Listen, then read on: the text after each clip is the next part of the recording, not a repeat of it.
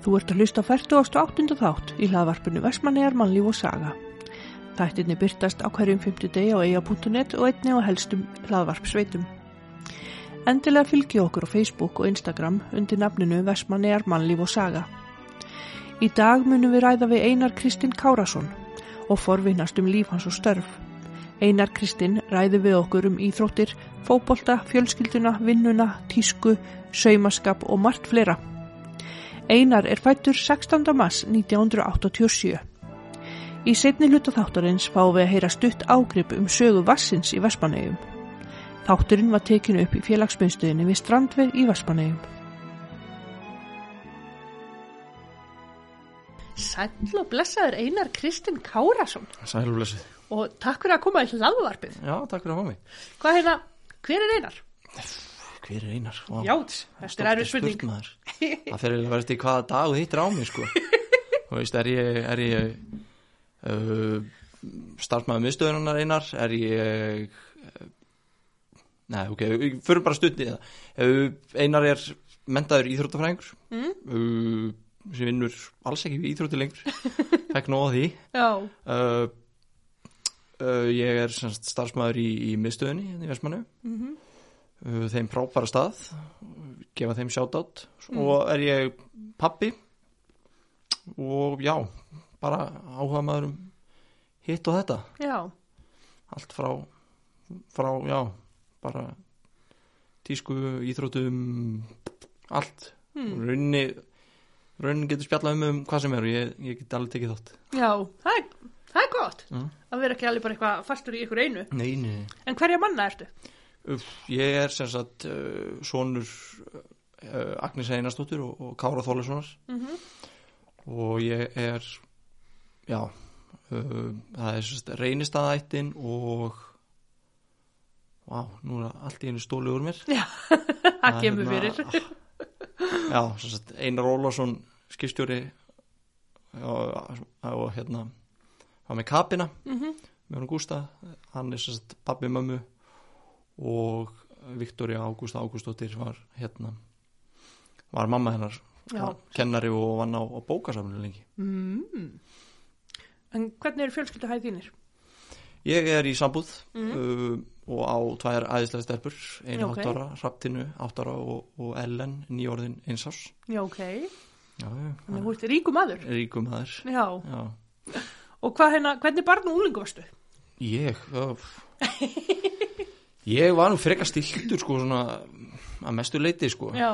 Já, ég, svona meða við marga aðra í árganginum sko þá var ég, var ég kannski ég var í stiltari kantinum sko Já. við vorum ekkit, ekkit sérlega vinsætt árgangur svona að maður heyrir frá, frá kennurum og, og öðru sko en ég sem sagt var raunni bara það er auðvöldast að lýsa mig bara það var bara fótbolti Já. það var bara frá mótundi kvöld það var bara, var bara fótbolti Já. þannig að það er svona kannski lýsi mér, lýsi mér best það var Mm. bara fóst í, í íþróttagallanum í skólan og komst einhvern tímann um kvöldið heim í drullu skítu um íþróttagalla Já. það var bara svona á æskan. skólatösku. já, alveg örglega sko allt haugblöytt og, Allt í grassi og, allt í grasi já, það er svolítið ríkt í fjölskyldunni íþróttir eða ekki? Jú, Fótbolti, jú. sérstaklega þá. já, sérstaklega fótboltinn en Já.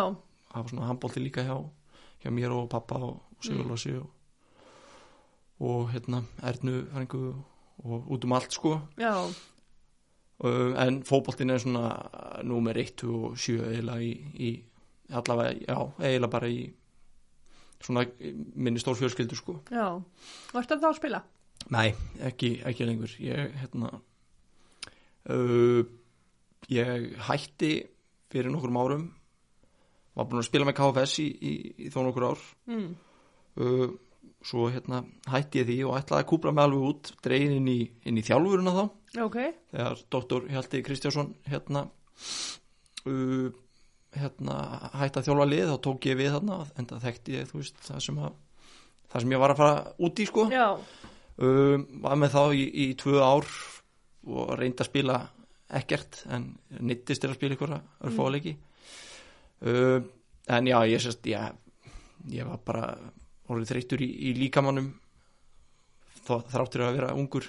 Já, og þegar ég var farin að finna sko að þegar ég bæ, bæ, bæði að æfa og, og, keppa sko að ég var ekki að geta beitt mér eins og ég vildi mhm, þá hérna þá fannst mér svona komið tími eða á að stoppa og ég man eiginlega sérstaklega vel eftir einni æfingu þegar ég byrjaði að æfa hans aftur. Mhm, og hérna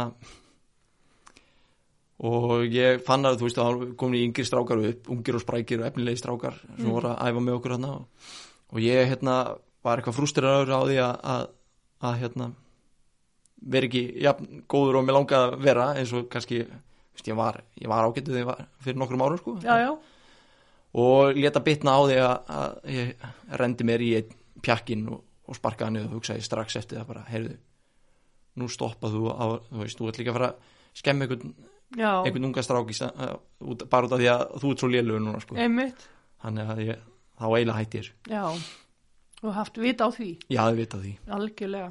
En hvað hérna, KFS, já. það er hvað? það er knaspindu félagi frammeira smástund Já, Þetta og er þetta bara svona á eigin vegum eða er þetta innan IPVAF eða? þetta sko rauninni byrjar þetta út frá, út frá hérna, það eru tvö félöginni í Vestmanniðs saminast Mm, uh, frammeirjar og, og smástund mm, verða að einu sem er KFS mhm, og Dóttur Hjalti í rauninni var bara heilin og, og hjartað og allt á bakvið þetta sko, hann, hann þjálfaði, hann fjármagnaði hann sáum bara um allt já, ok, með aðstóð góra manna.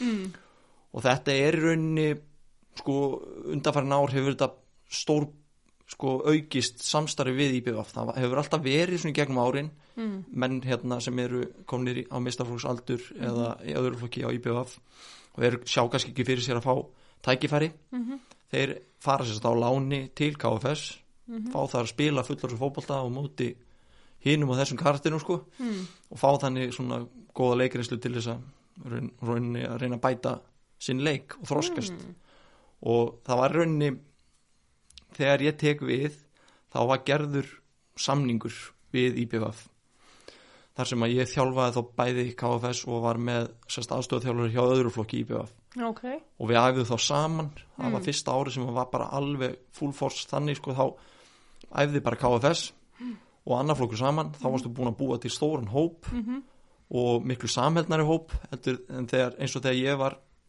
að byrja að spila með KFS sem uh, leikmaður í BF mhm, að þá æfði ég bara með BF og mætti svo í leiki hjá KFS og ég, þegar ég kemur í klefa legg fram á töskuna og líti kringum mig sko þá þekki ég kannski 60% af liðinu. Svo það maður bara kynnast hérna, já, heyrðu blessaður, ég heiti Einar, já, heyrðu, ég heiti Magnús. Já, já, ok, og hvað spila þú? Já, ég spila hérna á vinstri kantinum. Já, já, ok, þú veist. Já, þannig að þetta var svona þetta var pínu lauslegt en, en eins og þetta er núna og, þá er þetta miklu meiri samvinna miklu meiri svona eining heldur en heldur en þetta var. Já, og er þannig en það í dag. Gunnar Heðar með Gunnar Heðar Þorvaldsson er með KFS núna. Já, ok, þeir fóru upp uh, um árið spiluðu í, í hérna, þriðutildinni fyrra gerðu fínt mót þar. Mm, og stefnan bara sett bara runni áfram gakk og Já, maður ok. er bara pínu stoltur að þú veist að hafa átt þátt í því hvernig breytingi varð. Og þeir eru að gera flottar uti núna. Já, þannig að þeir eru alltaf að fara upp dildir, Já, þeir fóru upp úr, upp úr fjórudildinni hérna í uh, hvað sumarið 2020 ok, spiluðu í þriðudildinni 2021 og heldur sér uppi bara með glæsibrag. Mhm, og nú er stefnan sennilega sett bara á að, að berjast um að komast upp í aðra deild sko. Ég, ég eiginlega bara trú ekki öðru sko. Já, frábært, þetta er spennandi, Já, og er eitthvað svona aldurstakmarkað inn eða er þetta nei, eitthvað, í rauninni ekki sko. Nei, þetta bara- er bara sko bara, þetta eru alls konar alls konar fígúrur sem að ha- hafa poppað inn í gegnum tíðina og Já. á öllum aldri sko. Já, ok, þegar ég var að byrja að spila þarna þú veist hvað ég að verið 19 ára eða eitthvað þegar Mm. ég spilaði fyrstu leikina mína þarna þá eru sko þá er ég að spila leikið þeim bara með með hérna uh, Heimi Hallgríms og, já, ok, og Linn Stefáns og, og hérna og hérna Gunnar Sig fyrir margmar í BF þú veist hann var að spila einhverju leiki og þú veist þetta var svona bara alls konar sko. Já, þannig þetta var, og þetta er ennþá þannig í dag sko, það eru, það eru strákar sem eru upp úr þrítugt sem eru hérna, að spila þannig ennþá og, Mm. og í bland við þá svo ungu stráka sem eru komum bara öðruflokki og eru kannski 3, 4, 5 sem koma þaðan já, sem að hafa spilað saman gegnum alla yngri flokkana mm og svo er það hlutverk kannski þeirra sem eru búin að spila þarna lengur já. svona að að sjóða á til já, sjóða á til og, Já. og, svona leiðbeina þeim aðeins og þú veist og bara hvetja og stappa í það stálinu sko já, þetta er svolítið magnað já, þetta er, þetta er skemmtilegt verkefni sko Já. og, og þetta er eitthvað sem er líka nöðsilegt á stað eins og í Vestmanni sko. mm því að þetta er sko því ofar sem KFS er og að spila á, á, á rauninni hærra leveli -hmm.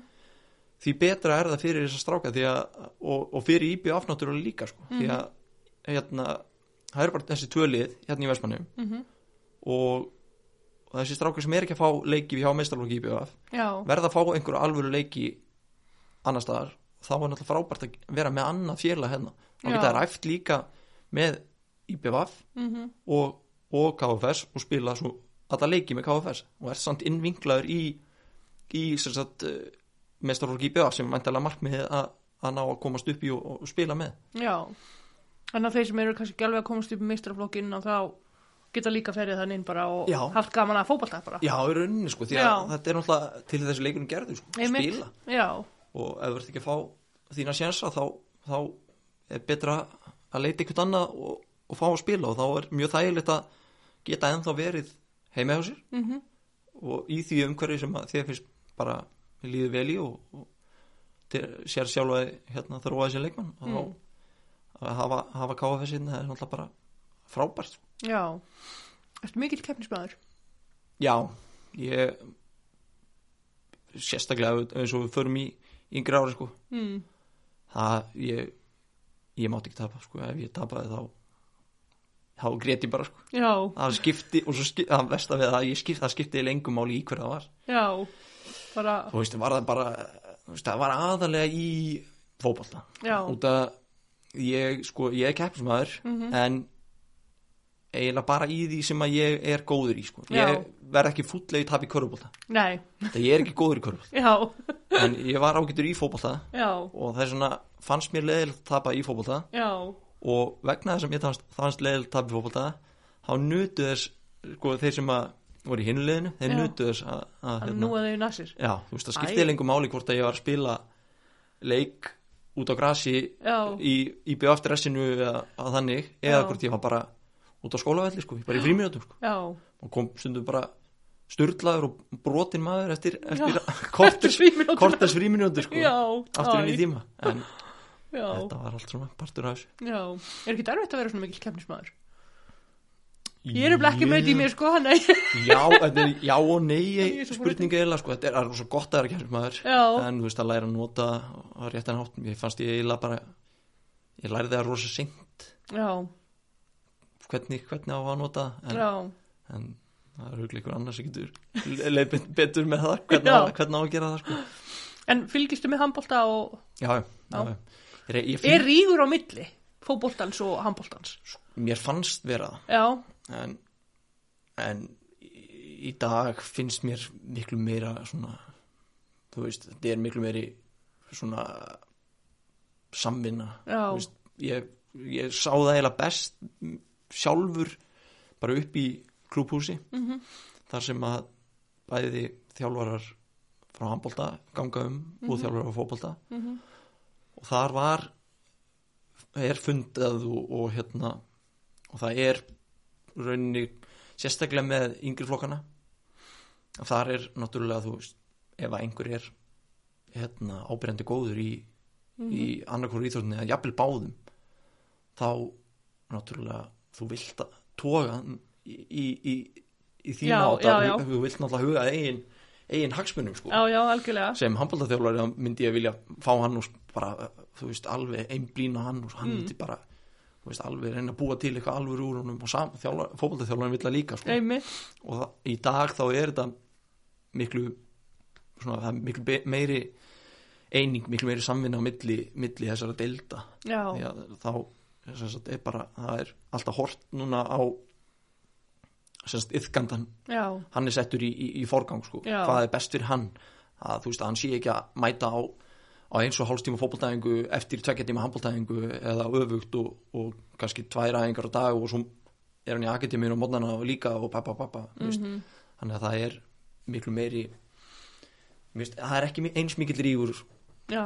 Allavega, ég tók ekki eftir allavega, sem er mjög gott sko. og er það orðið meiri vakningu að hugsa um yfgandan já, það, sí, á síðustu árum þá hefur, þú veist þegar ég var til með að spila þegar ég var í þriðjaflokki í, í fótbolta mm þá spilaði maður alla leiki með þriðjaflokki og alla leiki með öðruflokki já, og það voru, og mættir á æfingar og stundum á æfingar með báðum flokkum á sama degi og spilaði svo kannski leik á, á förstu degi með, með þriðjaflokki og beint í, í tekjadaferðarlega með öðruflokki að spila tvo leiki sko. mm og þannig að á þeim tíma þá var þetta bara einhvern veginn, þú veist það var bara normið. Já, veist, við gerðum þetta margir. Einmitt. Og margir undan mér og, og, og margir á eftir mér. En í dag allavega þegar ég var að þjálfa og þannig þá voru við uh, alltaf þjálfarar í mjög góðum samskiptum við hvern annan. Já, upp á að þetta myndi ekki gerast að, að ef að, ef að segjum að, að ég er með strák í þriðarflokki og hann er nógu góð til að spila með öðruflokki líka. Mm en ég þarf hann í þennan leik hjá mér. Þá kannski spilar hann 60 myndir á mér og á þá kannski 30 myndur 40 myndur hálfan einn hálfleik eða eitthvað með flokknum hinnum eftir, hann eða sé ekki tveir 90 minna leikir á tveimur dögum og, og þannig sko. já þannig að það sé ekki verið að keira því að sko því að, já, því að yfkandinn sko honum er alveg sama. Já, já, ég man alveg eftir þessu tíma, mér er alveg sama. Mér er það bara geðveikt. Já, eða maður ekki segja geðvikt þetta er, þetta er afsakið þetta. Uh, mér varst það frábært að geta bara, bara eins mikið út á fótbolta Mhm. að spila eins og maður Einmitt. það var náttúrulega bara fannst mér stórkvæslega sko. Já, en það var ekkert mjög sniðut sko því að maður kemur að því að bom, allt Já. í einu lendur á vegg og sprungin sko. Algjörlega. Þannig að, þannig að það er miklu meiri svona vitundavakning í þessu já, í dag sko. og það eru fundir sagt, alls konar kynningar frá KSI og, og öðrum varðandi þessi mál. Mm um að, að hvernig á að haga þessu veist, að, sérstaklega með kannski þá sem eru framúrskarandi. Mhm, því að það vilja allir nota þá alltaf, allan tíman já, já, að það verður að vera einhver, einhver millifur og svo einhver tímanbúti þá, þá velur einstaklingur íþrótt. Mhm, þó að sé nú ekkit alltaf sko meina horfir eins og á, á hérna hann hérna Viggo í, í landstinni handbólta mhm, hann hætti handbólta spilaði leiki í pepsi-dildinu með Breiðaflik já, og heldur svo áfram í fótbolta hættur svo í fótbolta, Já. Byrja aftur í handbólta og voru aðtunum að stuttur hérna og, og vorum að horfa á hann hérna. Massa leikin alveg bara. Þannig að þú veist eins og með þetta að, að, að sé verið að íta á hérna krakka eða yðgandi, yðgandur að, að velja strax mhm, það hefur minka líka. Veist, það, það er ekki þetta veist, það var alltaf bara líku við sko líku við sko maður heyrði að því þú veist að, að þjálfara væru að eldast við leikmenn sko. Já, þú veist, bara bjóða þeim já, þú veist bara, Já, já. þú veist bara þú bara veist, komdu að spila fótbolta í stað fyrir handbolta og já, þú veist, það var svona rauninni að segja með hana grasi græna hendur megin, Já, þú já. skottu hingað. Já, við munum gera þetta. Já, en hann það langt best að lifa þeim að stjórna þessu sjálf. En hvernig með fólk sem að eða krakka sem að eru sem langar að vera rosa klárir en eru það ekki hvað gerist fyrir þau? sko það, það sem ég kynst í gegnum tíðina það, þeir, það er engum bólaburt það er, eng, það er aldrei sagt það er aldrei lokað hurðinni á nei, það er ekki sagt bara þú ert ekki nógu góður og fara bara heim Nei, því að þú Nei. veist aldrei hvenar Mhm. slakasti leikmannin verður allt í nú besti leikmannin Já, það er ekkert sama sem er ekki að að strákur sem að hérna, er bara í krumafót í, í fymtaflokki og, og, og leipur aftur á bak sko. mhm, það er ekkert sem segja að hann verður ekki besti leikmaðurinn í öðruflokki já, það, það er ekkert, maður veit aldrei sko. nei þannig að fá allir að vera það með. fá allir sinn sén sko.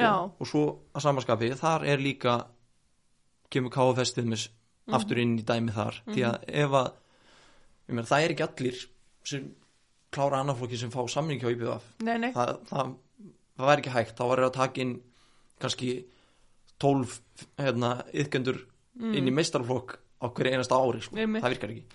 Þannig að þá ef þeir hafa áhuga á að halda áfram að þá sko, er möguleikin alltaf á að fara í KFS já, og ef þú stendið þar þá veit maður aldrei hvað ver- gerist næst sko.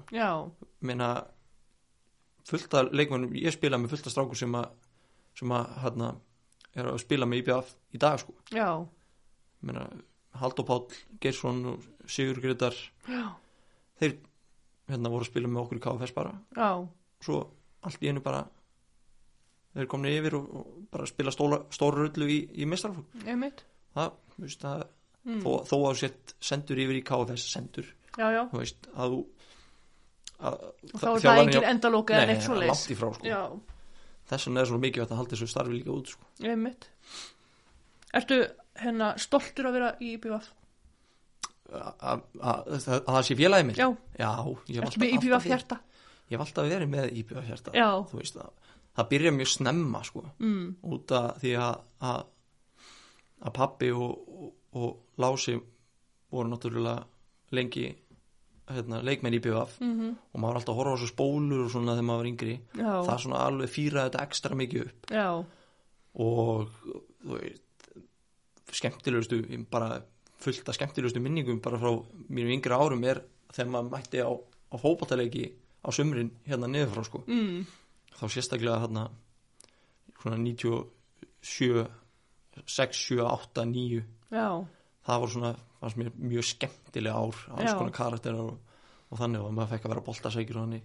Þetta var allt rosa stórt. Já, ég viðkynna alveg það að IBF hjarta að dróa eins úr því á tímanbili mm, og ég rauninni enga reyna útskýringu á því. Nei, en þetta er samt alltaf þú veist, þú fylgist alltaf með úrslitum og, og fylgist með öllu. Og ég rauninni bara frá því ég var bara sex ára, hef ég alltaf verið innvinklaður í IBF hvort sem að ég var að spila með þeim eh, hvort sem ég, svo er ég að þjálfa mhm, uh, vinna sem hérna blaðamaður. Mhm, bæði fyrst á, á fótbolti.net svo á, á vísi Mm. og ennþá í dag og ég meina núna síðast sumar þá var ég að lýsa leikjunum hjá þeim. Já, hérna í hérna vefsjónvarpinu. Þannig að þú veist maður veginn þó, mig- þó mér langaði sem mér langar reyndar ekki þó mér langaði að, að slíta mig alveg í burtu mhm, þá virkaði aldrei. Það, þú, það er alltaf eitthvað er einhver, já, sem er svo auðvelt að toga í. Já, ég meina þegar höfðu samband við mig núna síðast sumar varandi að lýsa leikjum hérna. Já, þú veist ég þurfti ekki að hugsa um ekki sko í sekundi ég bara já, ég er til. Þú veist, þetta er eitthvað sem ég finnst gaman. Og þú veist, geta setja ykkur stóra og horta á fótbolta bara skemmtilega sem ég gerir sko. Já, horfur mikið á fótbolta heima? já, þú spurt hérna, konuna mín það er stundum já, já, sko, og svo meiri sér sko, hún hérna aldrei gleyma að hún kom inn hérna einn daginn inn í stofu. Þá er ég sérst með leik í, í sjónvarpinu. Ég er með leik í iPadinum. Ég er með leik í símanum. Já, og ég er með leik í tölunni það eru fjóri leikir sem ég er að horfa á saman tíma. Já, og veist, hún, sem bara, þú veist, hún skilur þetta ekki. Nei. ég sagði bara, heyrðu, þú skilur þetta ekki. Þetta er, þetta er bara þetta er bara, þetta er bara hérna, þetta er fíknefni mín. Já, þetta er bara það sem að, bara ég lifi fyrir sko. þannig að þetta er bara skemmtilega sem ég, skemmtilega sjónasefni sem ég finn sko. já, er konaðin ekki í íþróttum? nei, hún er ekkert, ekkert sérlega innvíklu, jú, jú, þú veist ég hef dreigð hana með mér á fótballtaleiki Já, uh, og við horfðum á hérna handbólta horfum á handbólta svo saman þegar eins og landslið og hitt og þetta en hún er ekkert hún er ekkert að deyju spennu sko. Ekkert, að- að springa sko en en, en það var reyndar náðalega gýra sig upp hérna núna í, í síðasta leiknum hérna hjá handbóltanum á móti, Já. á móti hérna móti dönum. Já, ok, þá var hann allt í einu, þá satt ég bara rólegur sko á horfum sjónabíð, þá hún allt í einu satt hann á gólfur að tuða? Tuða, ég bara býtu hvaðan kemur þetta? Það Já. er bara allt í einu við erum búin að lifa sér inn í þetta ég held Já. að þú veist að íþróttir eru bara þannig það er já, sko skiptir yngu máli þú fylgist ekkert með íþróttum vitir ekki eins og hvað liðin heita Mhm. það gerir ekki eitt leikmannum á vellinum þegar þú ert sko bara þú allt í einu setuð inn í þetta Mhm. eins og sérstaklega að mæta á völl já, mæta á fótboltavöll mér að pappi hefur dreifð mömmu oft á leiki í erlendistinu mis Mhm. ég held að mamma sé ekki að springu gleði sko. Ég pantaði fyrir núna á hérna á vestamleik núna hérna stutti fyrir jól. Já, og hérna þú veist ég pantaði fyrir og pappi var mega glaður sko með að redda þessu. Að mamma ekkert er að oh, springugleði en svo er maður spyr hann eftir á. Já, það var þetta frábært, það var þetta ógeðslega skemmtileg sko. já, og þetta er bara, þú lifið inn í mómenti þá er bara, og ég, ég mis ég get hort á nánast hvað íþrótt sem er og, og svona þótt hún spennandi, mjög spennandi Mm en ég get, veist, ég get hort á allt Já, þannig sé. Já. En hvenar byrjaði tískan að höfða tíðin? raunni mjög snemma sko. Já, þegar ég var krakkið það ég ég valdi mér alltaf það var aldrei, mamma sett aldrei út föt hérna og farið þetta og, og, Mm. drifið út. Því að ég vildi velja þetta allt sjálfur sko.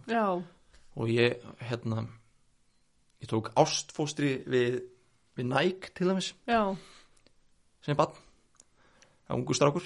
Og ég, það, ég gekk í öllu já, Nike. Ég fekk við að frænda mér þess að til að mála merki á veggin heima hjá mér. Já, og þetta, það þótt alveg merkilega sko, ég passaði ekki alltaf sko að ég fór út. Að þá að bjöggu við hann á heiðaveginum að ég dró alltaf frá. Já, þannig að þegar merkið einhver að lappa framjá þá sæ- sæist merki sko. mér, út af mér fannst þetta alveg mega töff. Já, en svo hefur þetta bara svona bara þróast í gegnum tína í rauninni sko. Já, og þú veist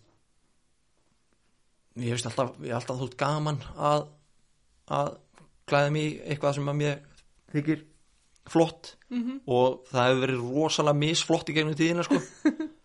Ég ætla ekki að, að, að hérna, fara að sína neina myndir að að, að þannig sko en, en, þetta eru svona mjög mistöff í gegnum tíðina en ég hef rosa gaman af tísku og, og, og þróun á tísku og, mm, og hinn og þessu. Og ég hérna og ég er alltaf tilbúin ég er tilbúin að prófa eitthvað nýtt alltaf, þú veist að ef það er eitthvað mhm, svona, ú, hörum við þetta, og stundum virka alls ekki sko. Já, já, og ég er fljótur að snúa tilbaka sko. En ég er rosa gaman af þessu. Og Já. ég, þú veist, ég er gaman að ég að sauma. Já, ok, ég sauma ég sauma nokkar flíkur sjálfur. Já, Byrja, byrjaði runna á því að ég var byrja að hérna að sauma hérna slaufur og bindi og, og hérna alls konar svona dótar í sko. Já, bara í ykkur, ykkur fíblar í sko. Já, já, og svo hef ég, mm, hef ég hérna bjóð mig til rullugrafessu og, og hitt og ok. þetta. Og svo líka að, að fara hérna í sagt, svona svona loppumarka og þannig. Já, svona thrift stores. Mhm, kaupa eitthvað föt sem ég líst ágætlega á og svo tekið heim kannski og ég ég breyti þeim, þú veist, svo- þú veist ef að fyrst að þurfa að stýtta þetta og þrengja þetta og hitta þetta þá svona miksa ég það sjálfur. Já, ég er rosa gaman að því sko. Og þannig að með, þú fata hennu í þér, já. Og ég sé pínu eftir því að sko hafi aldrei farið út í eitthvað svoleiðis. Ég, já, ég hef alveg viljað að læra eitthvað þannig sko. Aldrei á seint, ja, aldrei á seint sko. En veist, ég þyrti þá helst svona allavega 35 klukktíma í sólaring á, til þess að svona, eða þá að kem upp einhver svona, eitthvað, leif sem þú þyrtir ekki að sofa. Já, að, að, ég, myndi, ég myndi elska það sko. en, en hérna já, ég hefði alveg viljað fara út í eitthvað, eitthvað þannig sko. hmm, geggjað, mm. það er ekki margir strákar svo sem er að, er að sauma sjálfur og, nei, ég held nefnilega að það hafi spilað líka inn í það á sínum tíma. Já, að áttu þá góða vélar, áttu ólokku vél og, ég, ég á ágættisvél sem ég hérna fekk uh, í þrítu samanlískjöf frá vinahórum mínum. Já, ok, og hún ég er búin að nota hann það er að vera komið fimm ár. Já, og hún er þá í góðum gýr og, og, og gerir henni allt sem að, sem að ég þarf. Já, uh, ég mér langar alveg í flottari vél. Mér Mhm. langar í útsömsvél og svona Mhm. eitthvað svona alvöru unit. En þú veist það væri bara eins og að kaupa sér hérna sportbíl sem kemst upp í 320 km hraða já, og keina bara inn að bæri vestmanni sko. þú veist að, að ég er ekki nógu klár í fyrsta lagi já, og þú veist ef þetta, ef þetta ég, ég þyrfti að geta gert þetta að einhverju alvöru til þess að til þess að fara út í eitthvað þannig sko. já, já, það er náttúrulega mjög dýrar þessar vélar, já, það er alveg, það er alveg miljón, já, já, já. 500.000 til miljón og meira, ég er að skoða þetta allt sko. Já. Og, láta mig dreyma en einmitt, kannski ekkert um hann, maður veit aldrei, maður veit aldrei. Alltaf að láta sér dreyma, sko. byrja að vinna í lotto og svo, Já, þá get ég fara. Finnst þið vera, finnst þið vera eitthvað tenging á milli núna fótboltans og tísku? já, mér er alltaf Já, þótt bara íþróttamanna, já, þá, mér Já. er alltaf þótt sko. já, ég passa alveg upp á þetta þegar en ég fór út á fótboltavöll Já. alveg frá því ég var sex ára og þá til bara að ég hætti. Já, og þetta var eitthvað sem að mér, þú veist þótt alveg svona, þú veist, veist look good, feel good, play good sko. Það var bara þannig. Já, já, en það gekk ekki alltaf upp sko, stundum leit maður betur út heldur en maður spilaði og stundum öfugt. Uh, en það hefur alltaf verið tengið hann á milli sko. Já, Alltaf fár veik tískan oft þarna hjá fótboltamönnum, sérstaklega þessum sem að fá allt og mikið borgað sko. Uh, en það hef alltaf verið bara á milli íþjóttamanna og, og þetta er svona sérstaklega í dag með svona samfélagsmiðlum og öðru þá svona íþróttir, tíska tónlist þetta er orðið svolítið svona svona þrýpakkar sem er mjög auðvelt að samina eitt sko. já, þannig að, og þú veist á Íslandi bara með þess að þá eru þú veist íþróttumenn sem eru tónlistamenn. Íþróttumenn sem að uh, vilja vera bara í, í flottum fötum Mhm. og sem er merkja fötu eða annað. Já, já, þannig að það er mjög mikil vakning í þessu sko. Og ég get lofaði því líka allir þeir, eða flestir sem að segjast ekkert vera að pæla í þessu mhm, þeir eru víst að pæla í þessu. Já, 100% alveg 100% meira þess að meira þess að haða naglinn sko. Þú veist, hann er pott að í því, sko. Já. En er mikið svona um skarkgripið svo demantana og allt þetta dót. wow, ég hef aldrei verið þar sko. Ég hef aldrei verið þar, ég var reyndar með hérna svona, svona stór, stærri gutt í, í eirunum það var eitthvað, það var eitthvað annað. Það var eitthvað svona það var meira svona eitthvað svona repill í mér sko, eitthvað svona töffari sko. Ég var, rockari. já, þungar okkur sko. Já, meira heldur en, heldur en ég var ekkert að fara að heitla einhverjum stelpur út á þetta sko, það var alveg potið sko. Það var bara meira ég að sína mig fyrir öðrum þungarokkunum sjá, hef, sjá, á þetta. Ég, ég, ég er töffari sko. Já, en uh, já, uh, ég hef aldrei verið mikið í ég held ég hef aldrei sett á mig ring sko. Nei, það verður ekki fyrir en bara að maður fyrir á skelljarnar eða eitthvað og Já. þá, þú veist, kannski en eh, alls, annars ekki sko en Nei. það, veist, jú, það er alltaf verið tengi kann á milli sko. já. Nú ert ekkert eitthvað með alveg 20, 20 demanta á kantinum nei, nei, og, og kom með grill í munnin og nei, göngum ekki alveg svo langt sko. Galát, já. og fann að rappa, nei, og nei, það myndi enginn nennan hlusta á það, ég get að lofa því En hvað er tónlist hlustar á?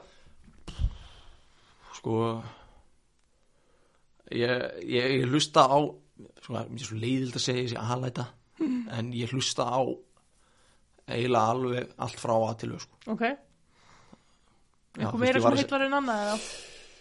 Ég hef alltaf verið mest í svona þungarokki, döðarokki og þannig Já, sko, ok, Það sem að þú veist fólk, þú veist, mig þeim bara í í rektin eða eitthvað eða, eða hérna bara eitthvað út á vappi sko ég get lofaði að svona flestu myndi halda að ég var annarkvæmt að hlusta á eitthvað svona þú veist hvað ég segja, Arctic Monkeys mm, uh, Libertines eða, eða eitthvað hip-hop sko mm, og meðan það er bara einhver, einhver viðbjóður í mér, sko. já.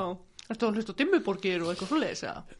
Ertu að lífa Já. svona black, black, black metal bara? Nei, meira sko í bara svona bara döðar okki Já, ok, alls konar svona bara læti sko. Þú veist, það er, þetta hefur líka róandi áhrif á mig sko. Já, ok.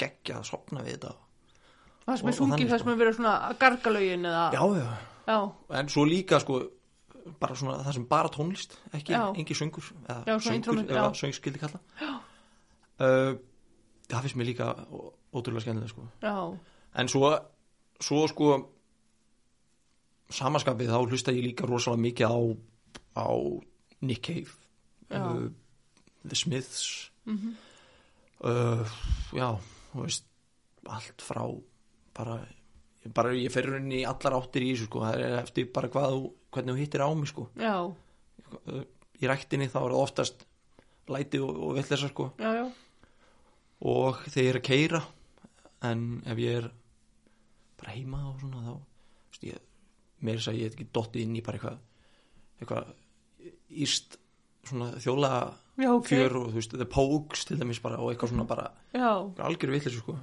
Ég er rosa gaman að þessu öllu sko. Já, bara, þannig að þú ert bara opinn fyrir öllu. já, já, já, það ég loka það reyndar sko. Jú, jú, ég get, sa- jú, ég get sagt ég er ég, ég get alltaf fundið lög eða tónlistamenn úr hverju og einu sem ég Mm. myndi hlusta á þó ég myndi Já. ekki hlusta á allt. Já, já, það saman bara með það sem ég fíla sko mhm, að ég get ekki hlusta á það allt sundur með algjör, mhm, algjör drasl. Já, já, það er bara fólk er að hafa já, já, Hafa maður- sitt, sko. maður er að hafa sína skoðun, sko. En hérna, hvernig fannst þér að alast upp í eigum? mér finnst það bara frábært. Mm. það var þú ert í rauninni bara í svona þú veist, ef þú hugsar ef við farið til bandaríkjana það var svona, svo í Flórida þannig það var svona gated community, það er svona lokað af afgirt hverfi. Já, og Vestmanni voru rauninni bara þannig sko. veist, þetta var bara það var einhverja engi farsímur ekki neitt þú, veist, þú, þú varst bara út. Mhm, svo var bara mamma hennar að ringja á milli húsa að leita þig sko, það var ekki komin heim í mat.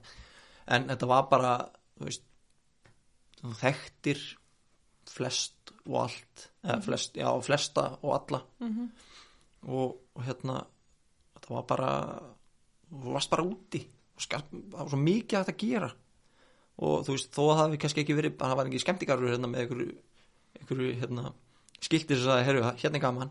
Heldur þú fannst þér bara eitthvað eitthvað skemmtilegt sko? Já, og mjög misgáðulegt sko en, en ofta skemmtilegt sko. Já, og klifur upp á húsþök og klifur upp á netin fannst mér frábært ef yngri. Mm, á millið þess sem að var í fótbolta bara. Já, og alls konar fjallgöngur að þannig sem að ég er því ekki sáttu við ef, að- ef eldri dótti mín ég myndi hérna nappa hana að hann upp á ykkur sko.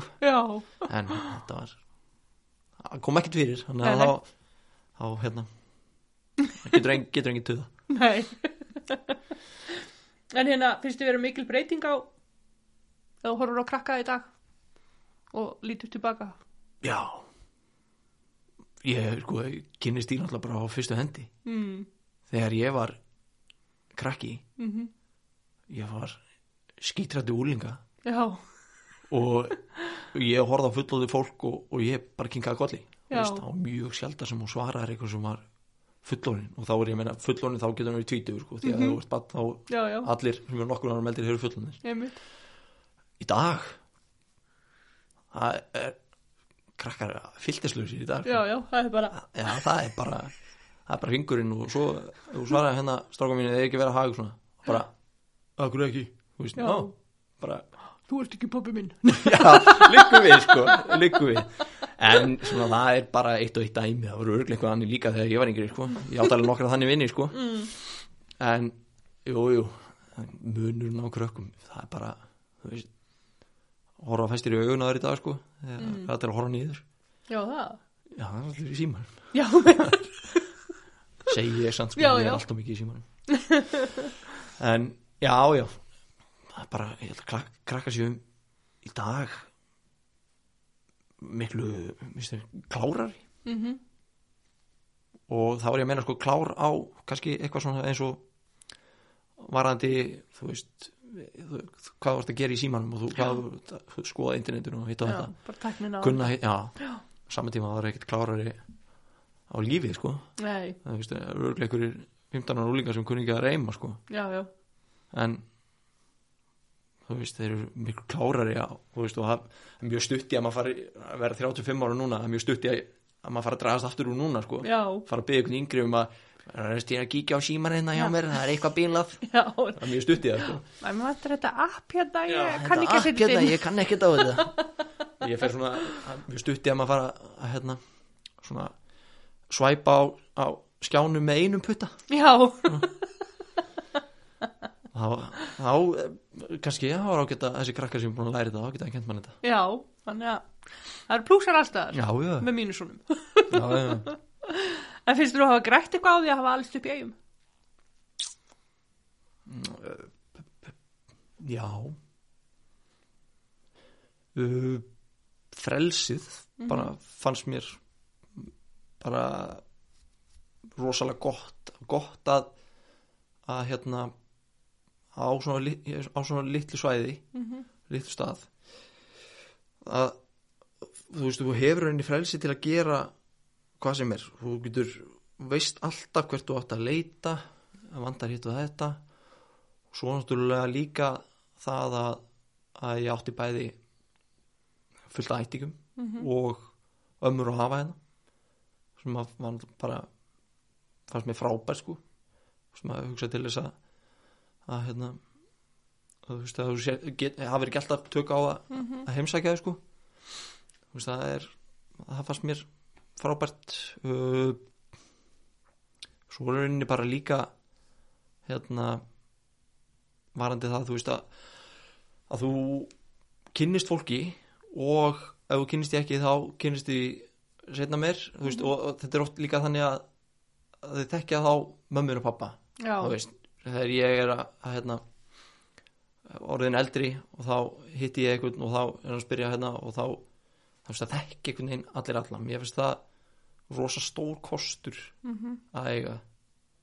Stundum er enda ágætt að maður myndi ekki þekkja neitt nema að koma þannig dagar en, já, já, en mér finnst alltaf það er svo gott að, að, að hérna, veist alltaf hvert þú átt að leita og, og þannig sko. Já, við erum svona baklandi bara við hendina. Já, í rauninni sko. Og þetta hefur kannski pínu verið svo háir þetta mann pínu líka Mm. að þú maður maður er rosa heimakær sko. Mm og þú veist að slíta sér í burtu ég, maður, maður, ég hef aldrei prófað það til lengri tíma sko. Þannig að maður veit ekki, það kemur örglaði ekkert sko. en en já hef alltaf verið mjög heimakær já. En hérna, viltu segja okkur aðeins hvernig lífið var þegar þú varst að alast upp? Hvað voru þið að barðusa? uh, Annað en fótbolta og- annað en fótbolta Mm. það voru alls konar alltaf, það sem maður saknar pínu í dag sko. Mm. og svo tala um munn á, á krökkum í dag og þá Mhm. það er enginn ekki að dýra hvað var það? Já. það er enginn ekki að dýra það er enginn eitthvað með fjastringar á glugganum eða eitthvað, þú veist að slöka sjónarfinniðinu hvað var þetta? ég, ég held ég að við aldrei ekki símat. Aldrei ringt í mig einhverja einhverja djóki mér sko, Já, hvað var þetta? þetta, ég sakna þess. Já, það má alveg dingla hjá mér og, höfðu burtu sko. Ég kem ekki út með hérna á nærbjörnsson með kúst sko alveg trilltur sko. En það var að skemmtilegt. Ég- já reyndar, ef þið viljið þá get ég alveg gert það sko. Kannski í buksum sann en já uh, þetta var bara þú veist það var alltaf var, góði vinir hérna. Mm það var, maður fann sér alltaf eitthvað að gera. Það var alltaf, aðalega var það fótbolti og svo gæti maður að fara oft bara upp í íþróttahús og, og maður var þar þá hvernig maður var hend út sko. Já, og og hvað voru það að gera þar? Bara, bara hitt og þetta. Já, já, alls sko rosalega, rosalega misgáðulega hluti. Já, uh, en já, það var, það var svolítið mitt svona base mm. svona, minn heimavöllur. Og sama með náttúrulega fólkvöllur Mm svo var það bara hitt og þetta fara út í leiki á kvöldin. Mhm. það var ógæst spennandi sko. Já, allt út á rauðgerði það var svona centrali. Já, það var svona, það hittustu alltaf. Og já, það var svona bara það, já, það, var, það er enni lýsið í best sem maður var að gera. Það var eitthvað, eitthvað fýblar í Mhm. veist, við félagin til dæmis fórum hérna einhvern tímann upp í upp á eigafréttir og hérna og hérna tölum við blaðamann þar og eitt félagi mér var semst búin að klæða sig í öllu svörtu og með svart grímu fyrir andlitinu og með svona nærbuksur hérna utan um hausinn á sér og svona undir höndina. Já. og stóð á the, the nærbrók man. Og þetta var bara okkur datt bara í hug eitthvað svona vittlisa og okkur langaði bara að fara fá mynda okkur í blaði. Já. og við fórum bara og sögðum já já herru við ætlum að fara að setja upp hérna uh, hérna þetta var á þeim tíma sem Spice Girls voða hitt að við ætlum að fara og gera Spice Boys við gerum náttúrulega Spice Boys. Þetta var, ég manni hvort það var eitthvað tengt í að stelpunar í bekknum voru með eitthvað Spice Girls síningu eða eitthvað. Já, ok. en við bara eitthvað, herru við okkur langar að koma í blaði líka. Já. við fórum bara og rettuðum þessu. og þessi úrklippaði til heima sko. Alveg Líka aðeinslega hugmyndafl. Já, ég minn, þetta var bara algjör þvæla. Menn hvað áttum maður að gera maður gæti ekki verið bara að leika sér í hérna, skróla TikTok eða eitthvað á þessu tíma og fóst bara að gera skur að vitli Já. Og ekki að finna einhverja nærbuksur. Já, já, Æ, þetta er alveg stil. ég er pínu stoltur af þessu því að þetta er, þetta er veist, þetta er svo fyndin mynd sko, ég er með hann eitthvað stóra á Facebook hjá mig sko Já. er Ég ætla greina að fara að kíkja eitthvað myndinar. óbóðslega fyndin mynd sko Æ, já, já, já. En hvernig upplifur þú samfélagi í Vestmannum? Eh, svona að það er flesti tilbúin að gera allt fyrir alla Mhm. sem er rosa gott samfélagi í Vestmanni þá þetta er náttúrulega samhildi samfélagi, þannig séð þegar hvað kemur að þú veist ef það er eitthvað sem að hérna, eitthvað sem vantar, eitthvað sem kemur upp á þá er samfélagi oftast sem tekur sér saman og, og er tilbúið aðstóð, ég minna og horfir bara á á hérna bara allt það sem að við bjóðum upp á henni til þess að sumrin og 13. og annað það er allir tilbúin að að aðstóða og hjálpa til Mhm. og það er rosa auðvelt að hóa í næsta manni eða eitthvað sem þarf ef þú veist að þess á vörubíl þá er ekkert mál fyrir að ringja í hann og byggja um aðstóð Mm. Þetta er, það er stór plús sko Þú það, það er svona í flestu tilfellum hægt að redda öll Já. en það er mottoði bara í Vestmannum og, og bara á Íslandi bara þetta reddast mm -hmm. það er alltaf að redda öll Já, já. það er svolítið til þess komið að, að það er allir tilbúin að gera þú veist, hlutina saman sko. Einmitt. En hérna, hvað finnst þau einnkynna fólk sem er frá eða býr í eigum? Uh, frekja, hróki leiðindi. Nei, nei. Nei, það sem Óþólandi uh, Nei, nei. Uh, Það sem að enginnir vestmenninga er veist, svona það er oft þörfin til að segja og sért frá vestmenningum Já, það er svona þetta, þetta er svona eins og svona föðurlega stolt. Já, ég er rosa stoltur að það svona, þú veist, þú hikar ekki við að setja í prófælmyndinu hefur, ég er vestmanningur Já. stoltur að þið veist, eitthvað svona dæmi sko. Það enginn er vestmanningar svolítið uh, við tölur rosa hátt. Við erum svolítið svona við erum svolítið svona svona fyrir, þú veist alveg ef þú ert í útlöndum já, þá, þá spottar vestmanningi lengst í burtu sko þegar þú heyrir í honum lengst frá þér sko. Ég er ligg- það liggur við sko.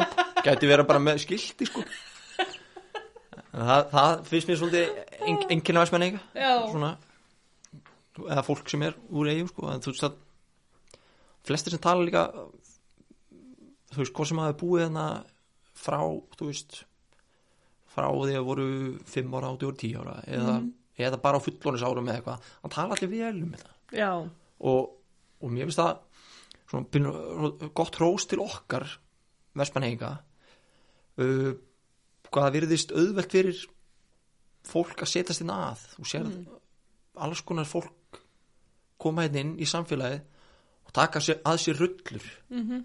þú veist í þú veist, er ekki bara að koma hérna bara á fullorðsaldri Mhm. og taka sér rullu bara í samfélaginu þú veist, og, og finnst frábært að geta tekið þátt í Já. því sem er að gerast hérna bara, ef, ef ég nefni tvö nöfn hérna, Vilmar í handbóltanum Mhm.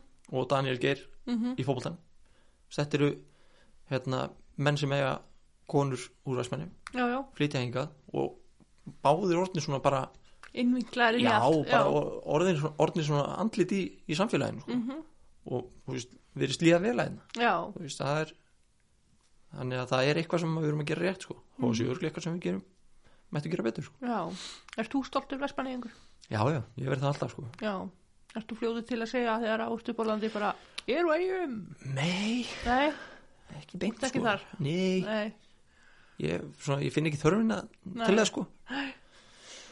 Uh, en ég tala rosa hátt þannig að kannski, þú Já. veist, þá kannski getið þekkt mig út frá því sko. já, en nei, ég, þú veist, ég alltaf, verð alltaf stoltur frá og ef fólk spyrir mig og tala ég alltaf fallega um um Vestmanniðar mhm, þetta hérna, hef ég alltaf verið og, og alltaf liðið vel. Einmitt en ég er, ég er ekkert öskrandi sko, Nei, þú veist ekki beskiltið ég er ekki mér skildið En hvenær byrjar að vinna og hvar?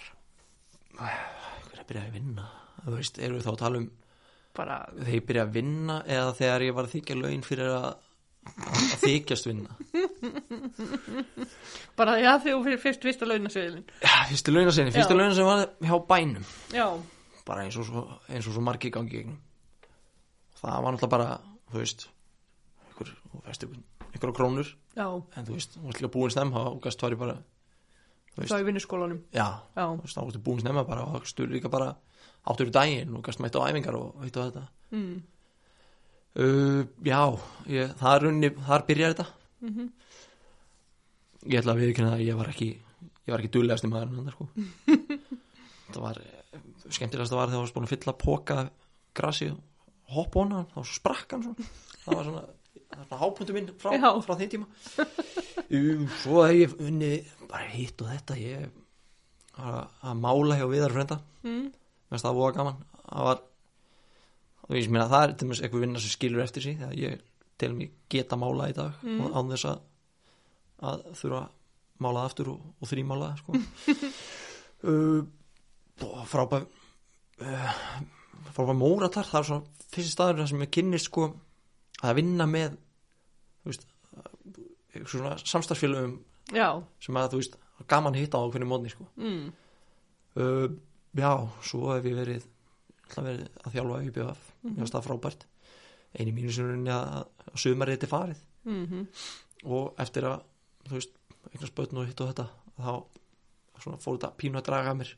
Ég held samt að það hef verið meira út frá því að, að ég klára frá háskóla uh, beint í háskóla og beint í hérna, vinnu með börnum strax eftir -hmm. háskóla og bæði að þjálfa og kenna. Og það var svona pínu bara sprakka eða Já, þannig að ég fór að sækjast annað uh, þó að þetta var rosa gaman sko og eins og ég segi þá ef ég, já, bara síðast í fyrra þá var ég að þjálfa mm ætla ekki að gera það en fæði bara símtalið. Já, og þá auktum að ok, alltaf til. Eða þú veist maður segir samt ekki ok, ég segi alltaf ok þetta, finnst það gaman sko. já, já. Uh, ég var að vinna í Íþjóðdósi það var rosa gaman líka. Mm. það var einmitt svona, alls konar skemmtilegar fígurur uh, pluss það maður gett æft kannski tvisvar á dag. Það var, það var eiginlega uppáldum mitt þetta. Það var svona millibils fjör sko. En svo hef ég verið nýri miðstöðuna síðust ár. Já, og þar finnst mér frábært að vera sko. það er einmitt er bara er að vinna með rosa skemmtilegum köllum og drengjum. Og það er þú veist, þetta er svona það er- gaman að vera í vinnu þar sem að þú veist að það er svona, þú kvíður ekki fyrir að mæta móndana mm að það er, það er gaman að mæta móndana það er uh, alls konar fígurur hana og tala um misgálega hluti. En þú veist, það er allir skemmtilegir. Og það er alltaf gaman og, og bara það er nummer 1, 2 og 3 í þessu sko. Annars Já. endist maður ekkert í vinnu. Ég menna ef maður labbaði þannig fyrst sko ég ætla að viðkynna það sko. Ég það er ekki bullandi innaði maður í mér sko. Þó Nei. ég get redda mér sko. Já. ég er rosa góður í, svona skýtningsar sko. Já, en það er engin sko bullandi innaði maður í mér. Nei. En það er ágættir sölumæður í mér og, og ágættir spjallari í mér. Mm. þannig að mér líður rosa vel að vera hana en þegar ég mætti hana sko þá, þú veist þekkti ég alltaf munin á skrú og bolta og nagla sko, það, en svo lærist þetta og, og, og mér líður rosa vel annars sko. já. Bara skemmtilegu sta- staður og já, já, og þú veist og, flesti sem koma það verast verast líða vel annað inni. Veist, bæði sem starfmenn og, kúnar og annað. Mm þannig að það er hrós til okkar að, að það er gaman hann já. Skemmtir, frábæri eigendur, frábæri stjórnundur samstagsmenn og annað. Mm Nú er bara virkilega ánæður í miðstöðinni. já, ég get ekki hrósaði meira sko. Já, fyrir mynda fyrirtæki einmitt. En hérna, myndir, hvernig sem sagt, einhverjum sem hefur áhuga á að, að verða bara eins og þú? Fótboltanum, meira svo ég, saman. verður dugleri, byrja á því. Já, settu þið markmið. Ekki ykkur ekki ykkur svona ekki skjóta of hátt. Mhm, maður er að læra því. Uh, það verður svo ég. Ég stóri ef að einhver, einhver nenni því sko en, en ef það er einhver sem er að pæla í þá bara þú veist pínu svona þú veist gerðu hlutina bara eins og þú vilt já, innan skynsala marka sjálfsög mhm,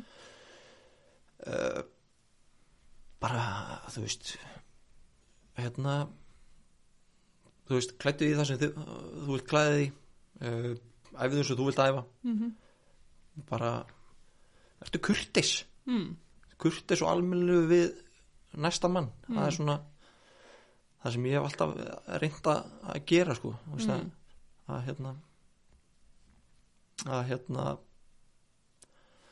sem sagt uh, ég, mér langar ekki að einhverju líka ítlaði mig. Nei, og ekki sérstaklega ok, ef einhver líka ítlaði mig þá vil ég ekki vera út af því að hann segi sér dónalur já, eða vondur eða Já. eitthvað þannig sko. það finnst mér mjög mikilvægt bara í bara lífi, leik og starfi að- vera kurtis og almennilur mhm, algjörlega, sérst bara, að bara koma, já, hvað segir maður? já, Koma fram við náungan eins og maður vill að koma fram við sjálf sig. já, jafnvel betur Já, já, eða það. já, Það er nú, það er nú, það er svolítið gott. já það er ágætt sko En hvað finnst þér ábútavant í eigum? Sko, ég ætla ekki að opna hérna, hérna Pandora-bóksi hérna varandi samgöngur og annað sko bara alls ekki Já. uh, hvað finnst mér vanda? Mm. Mm, sko þegar ég var ungur maður Mm og framhaldsskóla aldrei upp þá var nokkuð skemmtistæður til að fara hérna og, Mm. rölt á milli og svona veist, unga fólkið hefur hefur lundan lundir er alltaf skila sínu það vantar svolítið svona svona þannig stað eitthvað svona, eitthvað svona skemmtilegt. Einhver svona afþreyingu. Af, já, ekkert er ekkert endilega að tala um bara til að, að fá sér bjór eða eitthvað þannig, heldur svona þú veist að það sé bara hérna þessi með gítar þetta kvöld og, og spila. Mm þó ég sé enda ekkert mega spenntur við þannig en þú veist það eru já. og það sé eitthvað þannig og svo kannski bara kargi kvöld Mm. eitthvað svona bara eitthvað fjör eitthvað svona eitthvað skemmtilegt uh, Einu var í uppistand. Nei, já. Ég, ég, ég ekki að taka af mér Það er ekki mikið sala því kvöldi en mér, það til dæmis að, að hérna, að sé meira svona til að koma fólki út Mhm. ekkert endilega bara unga fólki en bara tóka sem dæmi út að ég man eftir því þegar maður var yngri maður gæti hlaupa milli stað Mm. mm. það var, var svona sport sko Já. uh, bara já, koma fólki út úr húsi og hittast og um leið og kannski við getum með kannski alveg núna Já, já. uh, hvað vantar meira ég veit ekki við erum alltaf verið frábæra matsústæði frábæra mm veitikastæði hérna, um, með þjónustu Mm við- fyrir nánast allt sam, eins og með sama með samgöngur þá ætlum ég ekki að fara að opna hérna, fæðingastofu spjalli sko Mm. en mér skilst nú að það sé einhver heimið þar en Já, já. að, þú veist, að, að fólk búsett í Vestmannu geti átt batn í Vestmannu á þess að þurfa að hrættum að þjóta með sjúkraflugi eða eitthvað hannig Já. uh, maður þekki það sjálfur í tvígang sko Einmitt. með átt ára millibili Já. uh, annars, já ég bara, þú veist, við höfum flotta íþjóðut aðstöðina Mhm. með flotta einstaklingar sem stjórna þar sjá um uh, við höfum starfrætt bíó hérna eins og staðanir það, ég veit ekki hvað maður þetta byggðum meira en það. Frá, ja, eins og segi, frábæra matsúrstæði uh, rauninni rauninni höfum við allt og maður, ég heyra rosa mikið frá fólki sem er ekki búsett hérna en hefur komið hingað og ja, þú veist, kannski bara í, í helgarheimsó sem talar um þetta bara, herru, ó þú veist, þið eru ekki nema þetta mörg en þið hafið allt þetta mm. á meðan, þú veist, kannski stærri staðir bara einn á Íslandi sem að sem að hafa ekki brotabrótaði sem við höfum sko. Já, kannski með einn veitingastað eða, eða þú veist bara á bakari eða bensinstöðin og, og, bensinstöðin er, er hérna læknamátakan og þú veist, já, skilur já, já. Jú, þetta er svona pínu metropolitan hérna með að við, með að við stærð og, og fjölda sko. Þannig að ég ætla ekki að fara óskettum, jú það er eitt sem vantar. Mm. almennlegt veður? Kannski kannski ytta í viku. Þú veist er, ég, ég ætla ekki að byggja meira en það bara ytta í viku. Já, veist, að, að, að maður geti setið úti og, veist, og geti sest út með kaffibólla já, og drukki að þess að kaffi myndi fjúka fram niður sko. já, en við stjórnum því svo sem ekki þannig að ja, það væri rosa gott. Það væri rosa gott Ég er aldrei samanlega Já. Allan að fá allan að betri sumur já, en hafa verið. Já, akkurat. En það kemur. Vonandi En ertu með ykkur hugmynd til að ebla samfélagið í Vestmannaugum? mm -hmm. Mm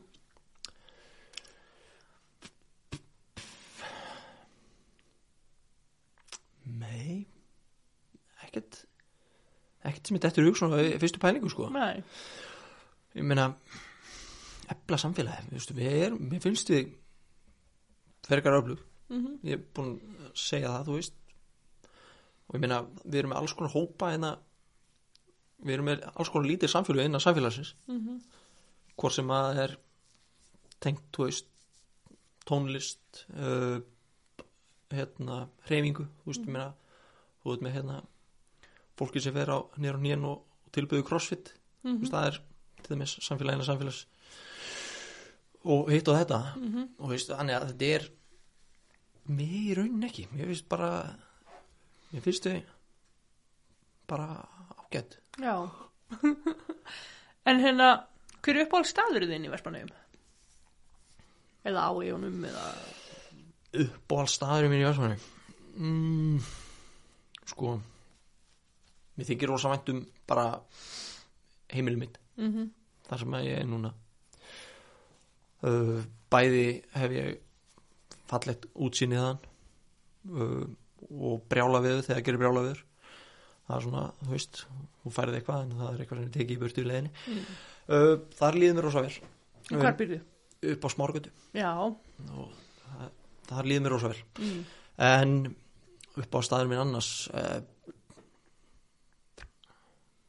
Íþrótdósið Hástegsfullur? Nei já, já hefði það gott yfir uh, svo þykir maður alltaf vænt um þú veist, bara eins og Dalinn mm. og hérna Skansin Mm. veist, þessi staðir svona, getur- þegar getur stoppað á sumrinni mitt og lagt bílnum aðeins og, og hérna farið aðeins út Já, aðeins með tætnar í, í grasið eða eitthvað svona það finnst mér voða gaman mm. mm, svo, já ég hugsa að það sé svona uppáhald staðir Mm.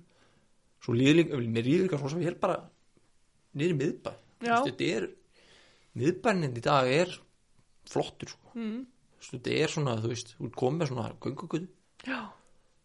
Og þú ert með vestlanir, svo með veitingastæði mm. og svona, það er rosa gaman að, að vera þar, þú veist, það er, er eitthvað líf skilur, þú veist, það er eitthvað í gangi kannski. Já, að vera þarna og það er svona svolítið mannmerð og annað. Einmitt. Það finnst mér rosa gaman, ég veist það alveg ríkala skemmtilegt. Hvernig þetta hvernig er- þetta er orðið þarna, þarna miðsvæði sko. einmitt. Þannig að já, alltaf það sé ekki bara svona nánast í, setjum okkur í, í, í sínarjó hérna, Mhm. uh, já, í augnablik það sem að það er sól. Mhm, uh, það er eftir mitti á fösti búin í vinnu helga fyrir framöndan og þú sest niður færi sæti uh, það er eitthvað gott að borða og það er eitthvað svona tónlist í bakgrunn mm. það er eitthvað að gerast það er eitthvað svona tónlist í bakgrunn. Bara eins og þú veist hérna, bjórfestivali hjá, hjá, hjá bræðrunum. Já, til dæmis þannig þannig fílingur. Gott veður uh, eitthvað gott að drekka það má vera hvað sem er. Uh, já, og svona almennt gutt í fíling það, það er svona, get ég sett það sem upp á staði minn í versmann já, en svo get ég líka alveg farið í klísjukendir og það er hérna blátindur og Já, það já. dalfjallið. En þú veist, það er rosa mikið upp á stöðum það er bara fyrir því hvað það átt að gera. Já, bara hvernig stemningu er já, algjörlega. En hérna, af hverju lærður í Íþróttafræðingin? mm, sko það er rauninni bara í gegnum reynistæðættina þá rauninni sko fór ég bara á færibandi Já, úr framhaldsskóla í Íþróttafræði. Já, það var, það eru allir búin að fara í íþróttafkennslu eða sett íþróttafræði eða íkennara þannig að það lág eiginlega beinast við. Mm, og líka bara ég hafði rosa ég hafði áhuga á því. Mhm, uh, áhugin dvínaði rætt mm, þegar ég komst að námið var ekki alveg svo ég var búin að ímynda mér. Já, og ég fór pínu bara beint eða, veist, ég fór bara beint úr framhaldsskóla og í þetta. Þannig að þetta gekk kannski ekki eins rætt og ég hefði vilja að háskólan námið en það var bara út að bara mér fannst þetta ekki er skemmilegt en ég ákvæmum samt að klára það. Mhm, uh, og vinn svo ekkert við það.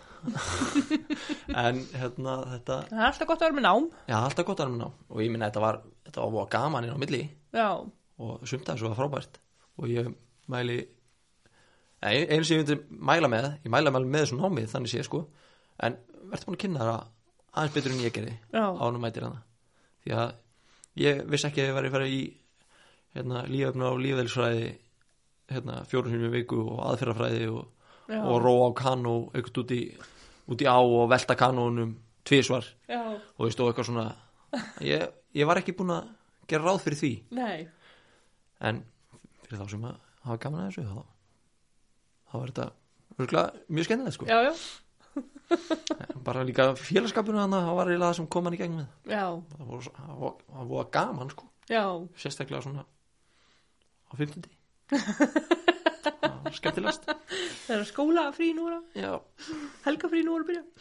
það var alltaf sko 50 dagarna var förstu dagarna sko. Já, því að fór allir heim sko, margir ég var til þess aldrei heila helgi að Já. það álega vatnis, það sem við vorum. Já, uh, þannig að við tókum alltaf það var smá fengum okkur einu eða tvær sótavatn hann á fimmtudegi. Já, svo smá baugar hann á í skólanum á föstuðinu og svo fórum við helgafrí. Já, það var svona, það fór alltaf að að lifna uppfyrir manni svona maður fór aðeins að gýrast upp svona alltaf á Já. ok, nú fer að stytta því, það getur verið gaman. Já. Fyrstu mikinn heimþrá? þaðan, Mm. nei, ég var alltaf ég fór alltaf heim. Eða þú veist, ég fór annarkvært heim með í bæinn. Já, En nei, ég get ekki sagt það. Ég meina Nei. ég var með Karitas frænka mín var hann líka. Já, Úr eigum uh, Hilmar félagi minn kemur svo hann líka. Úr eigum, Arna Björg var hann líka Úr eigum já, ok, Þannig að þú veist Og við voru, fórum rosa oft heim sko. Þannig að, ný, það var ekki að fá heim frá. Nei, Heim frá, þetta er svo stutt. Liggu við ekki öskar einn yfir. Já. Er mikið rigning á lögavanni? Já, já bara ekki alltaf regninga á Íslandi. Nei, það var svona Jú, jú, það gæti alveg ringt Já, það var reyndar fiskið sem ég lendi í svona mega frosti, það var þannig já, ok, ég festist næst í, en þú veist bara á þrjóskun einni komst ég í bæinn. Já, til Reykjavíkur og þú veist, keira þetta á okkur 98 ár gera Toyota Corolla frá ömmu. Já, og sko yfir bara hóla og skabla í gegnum þrengslin uh, í bæinn. En þá, ég kynnti svona alveg kulda þar. Já, á sérstaklega minnistætt eitt skiptið þá fóru á Selfoss að versla inn Mm. og þetta verður smá fjöröndu kvöldi og ég ákvæði svona að herru það er nú kallt úti. Og ég, ég meina það var ekki, ég var ekki bjóð ekki yfir þeim luxus að geta verið með ískapin í herbyggi á mér sko. nei, nei, þannig að ég geymdi bara það sem við þurfti að kæla út í bíl. Já, bara þetta er flott. Bara sækið þetta í kvöld og allt rætti svo kem ég út og þá held ég svona þrjá reyningar og tólf sem voru í lagi einar ónýtar og, og bíllinn næstu ónýttir í leiðinni. Þannig að Sprakk eitthvað á já, með rigningin er ekki minnist það en þetta er minnist það já, hvað voru tíu þetta kallan sko. já. Ég, það er svolítið magnasamt. já, En hvernig finnst þið viðhorf annara gagvart eigamönnum? ofta skot. Mm. en eins og ég djókaði með það náðan það er sko það, ég hef alveg heyrt fólk tala um hrókan og, og þannig í Vestmanningu sko. Já, en þú veist það er bara kannski einn af hverju tíu sem tala þannig. En það er alveg eitthvað, ég meina en þú getur rauninni nefnt hvaða stað hvað sem er í heiminum og einhver mm einhver hérna, talaðan niður sko og með Já, já. allir hinni talaðan upp sko. En almennt sko ef, að einblýna að jákvæða mm. að það er alltaf að tala um að við séum, við erum alltaf rosa hjálpsum Mm við erum alltaf verið það. Og ég meina bara gestur í stegi að manna er eitthvað svona, er svona klísja sem að sem að tegir sig út um allt land sérstaklega að tala í kringu er alltaf að tala um vestmanninga tilbúin að gera allt fyrir þig -hmm. sem að sumir reynda að taka alveg sko bókstaflega sko Já. og líku við bara sko opna inni á þau til að fara klósiti í að banka sko Já, já, en, en jú, jú það, við fáum nú oftast oftast við erum í plús, mm. nóra þannig já. stórum plús En hérna, hvað gerir þú til gamans? mm, ég uh, ég hérna horfa á bólta Já, meðal annars. Uh, ég hérna ég hérna sauma. Mm mér finnst það rosa gaman ef ég sko en ég þarf samt sko ég get ekki sagt ég ætla að fara að sauma í kvöld. Mm. þetta er svona bara spontant sko. En það hefur hérna kona mín oft vakna við að bara kannski klugan eitt um nótt og hún heyri tík. og þá er ég byrjaði sko. Og bara allt í einu fekk ég ykkur hugmynd og þá þurfti ég að fara að brasa sko. Uh, ég, ég hérna stundar líka sætt mér finnst það bara krúsal. Já, það bara ég reyna að gera það allavega fimm viku. Þá- ég reyna að miða við alla virkadaga og helgan að fara meira í hérna þú veist, family og, mm og taka til og hitt og þetta. En svo, svo líka bara, já, ég bara ég gaman að fólki. Ég er gaman að stúdira fólk. Mm. gaman að, skoða karaktera ég gaman að, skoða bara hvernig karakterin er ég gaman að skoða í hvað hann er glætur og bara svona típuna Mhm. það finnst mér rosa gaman. Já, það er eitthvað sem ég getur ekki tala um við marga. Ég held að ef ég myndi hérna, setjast niður með eitthvað og fara að tala um þetta já. þú veist það verður flestir búin að snúa baki og fara Alma að tala um eitthvað í annars sko. búðina í dag og hún var hérna í... já, þú veist, hann myndi, enginn að hlusta á mig sko. En þetta er eitthvað sem ég hef voða gaman þetta, Já. er- þetta er eitthvað sem ég gerir svona þegar allt er komið í ró mm heima, já, stelpunar sopnar og, og konan líka indíana sopnar oftast undan mér Mm. og löngu undan mér.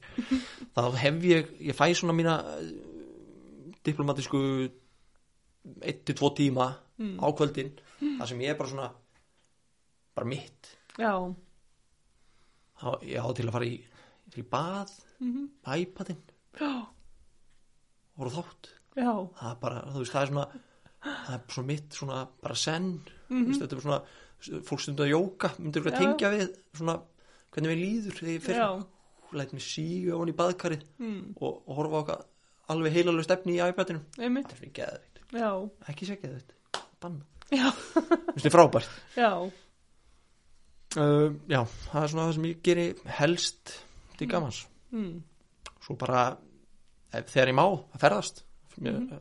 fá skemmtilega eldur en að ferðast. Já, hvort sem það er hérna bara norður uh, farið til Dalvíkur þar sem að, hérna, hún Indiana er hún er þaðan. Mm uh, eða eitthvað út. Já, og það má helst vera út núna. Ég get ekki byggðist að komast eitthvað gera eitthvað. En já, Hva, hvar kynntust þið Indiana? herru, þetta var semst þannig að ég hérna ég var í, í maturubúði bænum. Og hérna ég sé veski líka á jörn nei, ég er þér ég get svo tindir. Já, ok. já, já, það er bara það er svo, eins og það virkar í dag sko. Já, nú kann ég ekkert að tindir hvað er það, bara svæp, ræta eða left já, eða. þú veist, svo bara, þetta er bara bingo sko Já. og loka augunum og svo bara að vona eftir því besta Já, og ég tel mig að hafa unnið í lottóinu þar sko já, já, já. og bauðst inn á date og varstu kurtis? Eða varstu svona einhver að Sko- þykjast þér ykkur nagli? Ég sko, ég, ég get þóst verið ímislegt ég get ekki þóst verið nagli sko ég get þóst verið svona töffari Já, ég get ekki þóst verið nagli Nei. það væri, færi mér alveg agalega uh, mann ég ekki alveg sko. við Nei. byrjum eitthvað að spjalla bara og svo jú, við förum þetta á eitt date hana mm. hún borgaði eh, já, ég hérna já, hún borgaði. Já, ég, held ég sé alveg fara með rétt mál. Íslensk valkyrja. já, já. Ég held að meira verið út að ég var bara öruglega bara blankur á þeim tíma Já, og hún vinna sem flugfræðana og náttúrulega nóg fyrir þessu þannig að ég, vorkendi ekki eitt. Það er alveg splæst á með hann en ég hef nú alveg splæst á hann ég hef borgað tilbaka síðan sko. Já, já, það er gott. já, já. en já, við fórum nú eitthvað og svo bara svona spjöllum við bara og svo eitt liðir öðru og svo allt í einu bara er hún flutti mín og, og svo allt í einu uh, kaupum við eign saman, hún fluttir mm. sérst niður til það sem ég átti heima áður. Já, svo kaupum við eign saman og, og eignum svo eina litla stelpu. Já, núna bara 4. januar 2021 já, nýjur og nesás já, þannig að þetta er og ég meina þarna í leiðinni ég hef aldrei frá Dalvíkur áður jú ég fór hann einu sinni og, og skítappa í fókvöldleik já. Ég þúla þetta vil. nei, tæknilega sé ekki uh, en svo eftir það þú veist þá til dæmis bara með þessu þú veist Mhm. maður veit ekkert hvernig ég ætla ekki að fara út í ykkur hérna, og dramatíska lýsingar eða eitthvað en þú veist aldrei hvernig uh, hvert lífið fer með þig sko, þú veist. ég bjóst ekkert við því að, að ég tengda fjölskyldu á Dalvík einmitt. Ég bjóst ekkert við að fara þanga margóft á ári Já. og vera þar. Já, þú veist en svo allt í hennu bara er það þannig ég minna þau bara að, þetta er frábært fólk og, og það er frábært að vera hann mhm, og það er eitthvað sem ég hef aldrei aldrei upplegað, Nei, aldrei vita ég meina saman með líklega myndíun hún hafði aldrei hún hafði komið henni held í einu sinni eða tvisar á, á þjóðatíð og þú veist, þú sér ekki vestmannir á þjóðatíð sko. nei, nei. þannig að Og hvernig líkar henni hérna? hann er líka mjög vel Já. og ég meina Og er hún alveg komin inn í samfélagið og... já, já, já, já, Vinkonur já, og- já, hún er hérna góða vinkonur hérna og, og hefur unnið hérna núna á hvað, þremu vinnustöðum Já. frá, frá því hún flutti var á, á hótelinu á Magga og Öddu og, og í Póli og svo núna á Kirkjugjöri Já, ok, nýfarn ný að vinna aftur núna eftir, færingálar einmitt. þannig að, jú, jú, hann bara líkar mjög vel hérna sko, töður yfir veðrinu en ég meina, töður við gjöldlega veðrinu. Já. Þú er greinlega stoltur pappi. ég er það. Ég sé þú ljómar alltaf í hvers sem þú fara nöfni dætu þínar. ég er rosa stoltur af þeim sko. Já, Já, ég meina bara skemmtilegt að skulle ég minnast á þetta því að bara í morgun, það var þessi yngri sko. Já, og hérna, ég var vakin í morgun með hérna uh, það var Indiana að segja með hana hvað þú derk og það kom og hún fannst það bara, yes, heyrðu, þetta er svona, þetta er stórt mómentið í lífi allra barna þegar þú veist hvað þú einmitt. en jú, ég er rosa stoltur Já. mér veist rosa gaman að að eða tíma með þeim að gera svona hitt og þetta. Mm. svona og mér langar að gera miklu meira þú veist, Mhm. mér langar eins og núna get ekki beðið eftir að geta að fara að ferðast aftur og geta gert eitthvað svona meira frjáls. Já, Veist, við höfum ekkert farið neitt. Þetta, þetta er rauninni fyrsta árið hennar Elenas var þú veist, hún sá alla neitt annað heldur en bara heimilið sitt sko. já, og, og svo, ja, þú veist heim, heimilega heimann á Dalvík. Í Dalvík, hvort segir maður? Úf, við erum að klippa þetta. Ég man ekki hvað maður að segja ég er kannski, ég er skammað fyrir þetta. En já, ég, ég veist svo þessi eldri, veist, hún er fann að spila og, og hefur rosa gaman að því og ég hef rosa gaman að því að hún gaf, hafi gaman að því. Já, ég ítt henni ekki út í neitt hann sko. ég, hún vildi ekki tverja fótbolt strax. Mm, svo allt í hennu hérna fór hún að spyrja mig maður mæti að fótbolt ég sagði, já, en þú veist innan í með þá var, ég- var ég öskrandi þú veist, það var, var svona lítið kallinn í hausnum og bara, yes það, já, það, þá hérna er alltaf eitthvað á sumrin sem við fyrir að gera saman. Einmitt. Sem ég hef bara alveg brennandi áhuga og ég, mér finnst gaman að að ef hún spyr að kenninni og aðstóðana og leiðbyrninni og þú veist förum út í garð og sparka á milli og skjóta og hitt og þetta. Mm, og stundum inni líka. Minna vinsælt en, en gerum það stundum. Já, en já, þetta er, þetta er voða gaman sko, mm, gaman að fylgjast með. Þú veist hún hraftin ára en átt ára gömul sko. mér finnst bara svo stutt síðan að maður var að fara með hana bara á, á leikskólan fyrst skipti sko. Já. þetta er bara, bara bilað sko. Ótrúlega flott að líða alveg ótrúlega sko.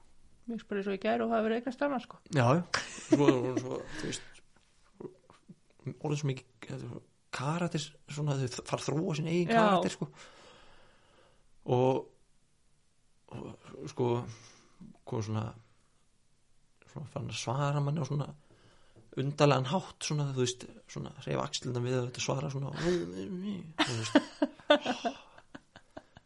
og hún er átt ára sko Já, þannig að þetta er verður lágmarki tíu ári viðbót sko.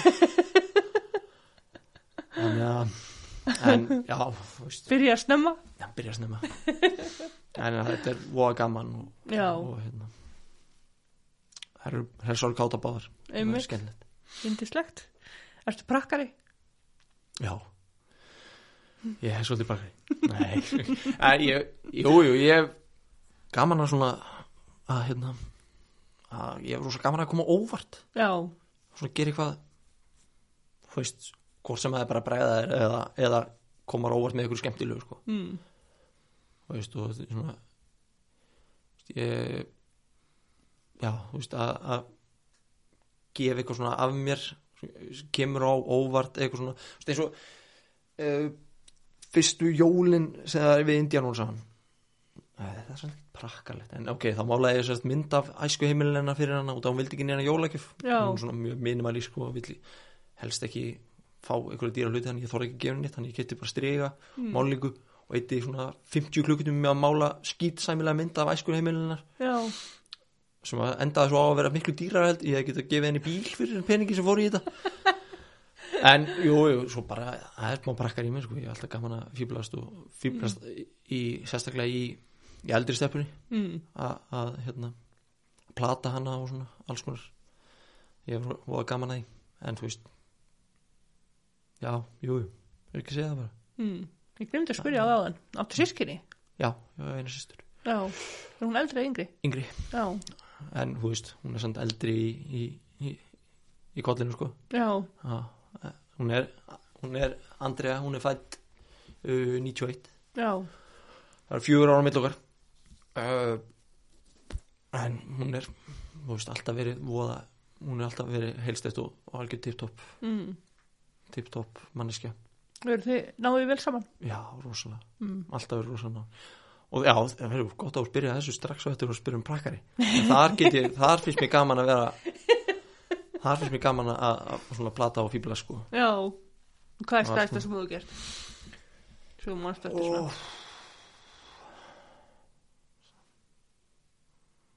Ég veit það ekki fannst, jú, það er eitt ógeðslega fyndið þegar hérna ja, mér fannst það allavega á þeim tíma þegar við Indiana vorum að byrja að spjalla saman þá hérna þá attaði þeim tveimur með mér inn á okkur að nei, hvort að ó, hvort að Andri eða einhver hafi attaði einhverjum óvart. Nei, vágætti líl saga. Ég man ekki hvernig það byrjaði. Þetta allavega það kom þannig að við enduðum allt í einu þrjú í einhverju spjallgrúpu á Instagram. Já, og ég var eitthvað svona að bulla í Andru að, að bulla í í Indíönu, og eitthvað svona, þú veist að þetta var, mér fannst það rosalega gaman sko. og ákveðt var líka þess að en jú, svo uh, við Andri hefum sko, það hefur gegn gangandi djók í, í mörg ár núna mm. og getur keitt svona nammi sem er svo, eins og hambúrgari eins og já. og pizza og svona, svona, svona gummi við erum alltaf að lauma því í, í fötin eitthvað hjá öðru hvoru sko Já, ok. þannig að allt í einu, þú veist, einhverjum mánuði síðar fer hún allt í einu í einhver jakka allt í einu innan á jakkanum með svona Hamburgari. eða- nammi hambúrgari þetta, Það er svolítið skemmtilegt. mm, Það er líka svolítið sæl. þau sem eru að hlusta finnst þau ekki fyndið en Mér er svolítið já, krútt. þetta er, skemmtilegt sko svo sendu alltaf mynda þegar við finnum þetta sko Já, alveg bara, um.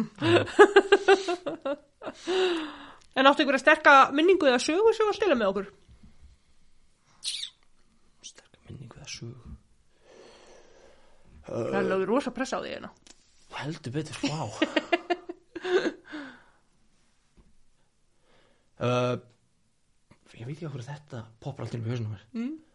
þegar Matrix var ógeðslega uh, heitmynd og nýkomin út hana, nýjasta, nei, hana fyrsta Matrix myndir fórum við í fjórðaflokki í BF fórum út til Stók að keppa. Mm. spilum út til Stók og svo voru svo tíu sem betri en við og tíu sem stærri í fótbolta. En á flugvellinum Mm. hittu við Keanu Reeves. Nei, það var magnað. Það var rosa gaman. Hann var svo grautunur og alveg ónýtur af því að greiði kallinn uh, já, spjalluðu við hann? hann er eitthvað spjallu okkur. Hann var að tala í síman sko. Já, Hann ok, stóð og við einhvern- tíkalla síma og, og hérna, já mjög skemmtilegt. Uh, annað, ég veit ekki Sem svolítið fyndi að því ég er búin að sjá svo mikið að myndum á honum í dag. já, Já, hann á Facebook bara. Bop, bop, bop, en það kom myndir á honum. þetta, Hann þetta er var magna moment sann, sko. Það er eitthvað, eitthvað að fara að gerast með kynur írskriðlega. Já, vá, ég, það eru örglega einhverjar einhverjar góða minningar sem að sem að ég man örglega í örglega, svona fimm mínútur vestur að hættu minna Já, á manni allt í örglega einu, já, það rétt. herri, ég geti satt svona á, Það á tíu sem skemmtilega hlutum með þetta Já, það er alltaf svo leis. það er oftast þannig En hefur þú lendið ykkur leiðilegu í Vestmannum? það er ykkur leðlu Mm. Það er gleymið stundum að tala um leiðilegu hliðanar. já, já Ekki það, þú það var ekki undir að tala um það, bara... já, þú veist ég, ég veit ekki hvað, hvað maður kallar leðilegt þú veist ég þú veist að rífast yfir hvernig leðilegt Mm, og að missa ástinn er mm leðilegt það er bara ræðilegt. bara lendi því að óþærlega oft núna Mm. síðustu ár og um, upplifa upplifa uh, vonda he hegðun Mm. sem sagt ég fekk bæði aðeins að finna fyrir því þegar ég var yngri veist, svona smá ein- einelti Mm. en það er ekki eitthvað sem að sem að situr eftir í mér því að þetta var mjög skammu tími og þú veist, börn eru börn Mm -hmm. og ég var örgulega leðilega við einhvern á þess að gera mig fulla grein fyrir hvað ég var að gera sko Mm -hmm. um, með annars manni ekki eftir m- einhverjum mörgur líðilu ekki eitthvað sem komið fyrir mig sko Nei. ekki annað heldur en bara Hefur ekkert verið svona aðkast eða neitt af því þú ert að klæða þig eins og vilt klæða þig? jú, jú, Þú veist- en þú veist ég geti ekki geti ekki Nei, nei, og maður tekur það kannski inn á sig, en, en svona, þú veist, að því maður er ekki inn í bóksinu, sko. já, jú, jú, jú, heldur betur heldur betur, alls konar alls konar þannig sko Já. veist, að maður þú veist og þú veist, fólk er oftast er fólk bara að djóka með það þegar það segir eitthvað svona Já, já. við því sko veist, hvernig þú er glættur eða, eða hvernig þú hafa þær eða, Mm. ég meina þú veist núna er að þú veist í, dan, í dag þá eru veist, að, það er svo fólk er svo miklu meira öðruvís í dag heldur en það var Mm. sem er frábært að fjölbyttileikin er alveg stórkoslegur Mhm. hvað þetta er komið út um alla trissur Já.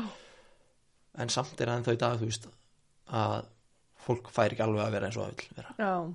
Og, og, og örgulega margir sem þóri ekki að vera eins og vil, vilja vera Já. vegna þessa Einmitt. þú veist bara þú veist það er ennþá verið að að, að hérna íta fólk sem að sem borra ekki kjöt Mm þú veist, fólk, hefur, fólk sem hefur ekki borra ekki kjöt í, í fjölda fjölda mörg Já, ár já. en það er ennþá samt, þú veist ha, borra ekki kjöt Já, mitt.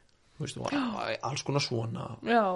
en þú veist, ég get ekki sagt að það sé leiðilegt það er Nei, nei. bara ef eitthvað segir eitthvað svona, þú veist bara, eh, þú veist kommentar á eitthvað á mér þá bara skýti ég eitthvað löglétti tilbaka á á þess að fara út í ykkur aðra meðingar sko já, já. En borðar þú kjöt?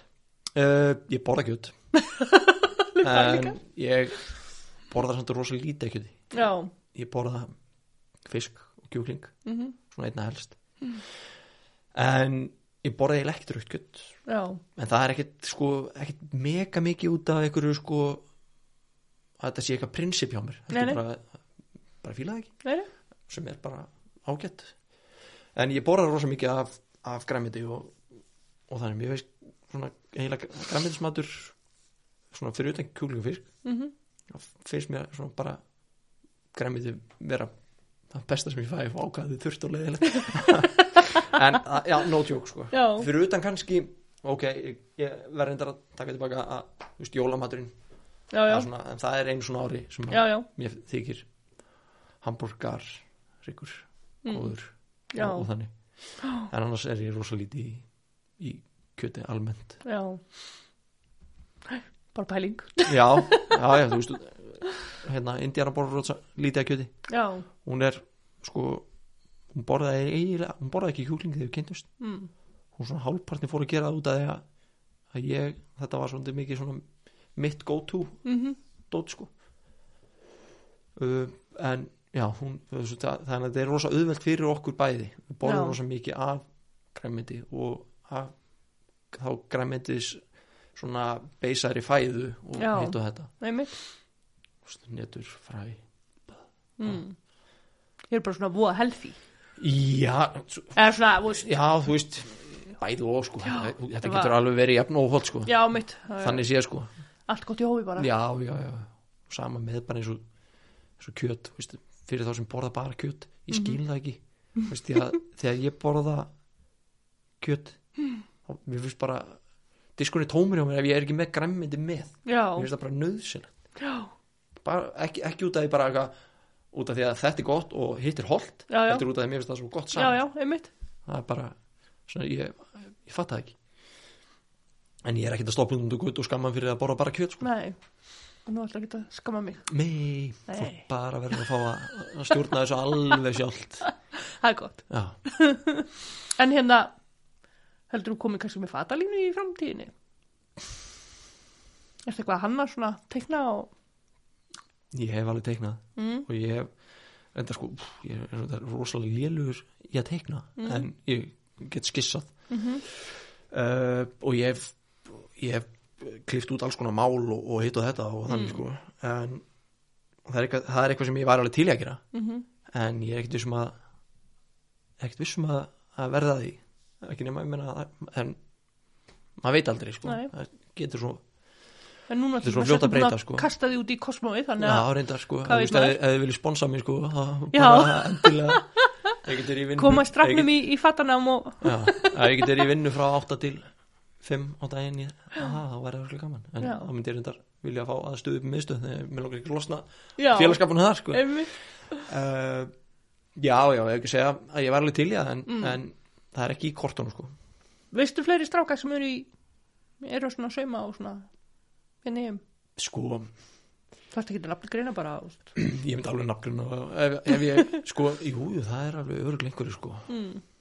alveg öruglega ég man þetta ekki eftir í okkur núna en svo veit maður til þess að það eru menn sem að uh, hérna, luma alveg á á getunni til þess að, að sauma Mhm. og gera og græja Mm ég meina bara eins og hérna, afi dóttur minnar Mm. Baldur Þór Bragason sem lést núna snemma á Mm. þessu ári blessu sér minning hans.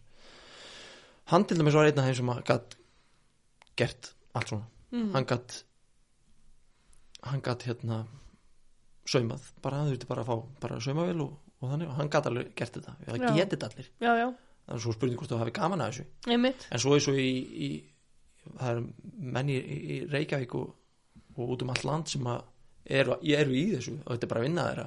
Eru bara klæðskerar og Mhm. þeir eru alveg á öllum aldri og hitt og þetta. Einmitt. og þetta er örgulega, gaman að, að gera þetta sko. Uh, og þetta er sko, mér er aldrei þótt að vera eitthvað tabú að sauma. Mér er bara þetta er bara gaman. Fylgta uh, hérna, mönnum sem kunna prjóna, Já, já. annað sko. Ég kann það endur ekki en ég, ég get alveg, ég get retta mig að sauma. En Já, ég þætti alveg gaman sko. Já. ég var til að vera í saumaklúb þar sem við værum actually að sauma. Já, þú veist sýttu saman hérna hjá með svo sniði hér já, þetta er flott. Já, já og bara, þú æ, ég kann ekki gera þetta eða Já, eitthvað, kanntu tala þetta? ekki um það. Já, að læra á já, störu og, þetta var bara eitthvað sem ég ég veit ekki, fannst bara ég var alltaf að býða mömmu þegar ég var yngri um að að, að hérna, stýta fyrir mig eitthvað eða ringja fyrir mig eitthvað eða Mm. gera eitthvað og græja og svo fór ég bara svona hún kynnti mig bara svona algjör og basic. Já, bara, þú veist, hvað var þetta að gera. Já, og út frá því bara einhvern veginn fór ég að gera þetta sjálfur. Mhm, og, og svo eftir að félagi minni gáði mér saumavel að þá þurfti ég ekki lengur að að fara alltaf til mömmu og ræna saumavelni þá geti ég bara verið með mín eigin. Já, og með, með aðstöðu inn í þóttáhusi heima okay. núna. Og þar sem ég get bara loka mig af og þar set ég bara áttast á á einhver hlaðvörp eða hlusta tónlist og, mm, og set bara á einn og sauma. Já, einni sitt og Já, sauma, nákvæmlega. það er ekki ekki Já, þetta er bara eitthvað sem ég er skaman Já, eru vininni þá ekkert að byggja þig um að stýta buksur og svona fyrir sig? Jú, ég hef alveg verið spurður um það sko. Já, uh, en sko mér finnst ég út af því að ég er ekki mann að læra þetta. Já, og þannig.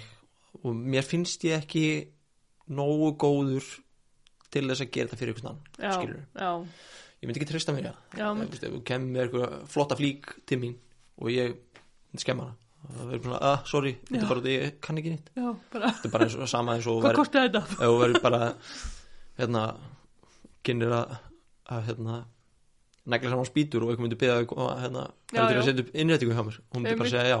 Já, já, og svo bara eru ég eðilega átt innrætingunni það er svo svipað dæmi. Ég, út að ég er ekki 100% á því. Bara eina minn, þetta, na, efri skápanir, þeir æða að vera uppi, sko, nei, já, akkurat, snýr allt Já. opna það svo.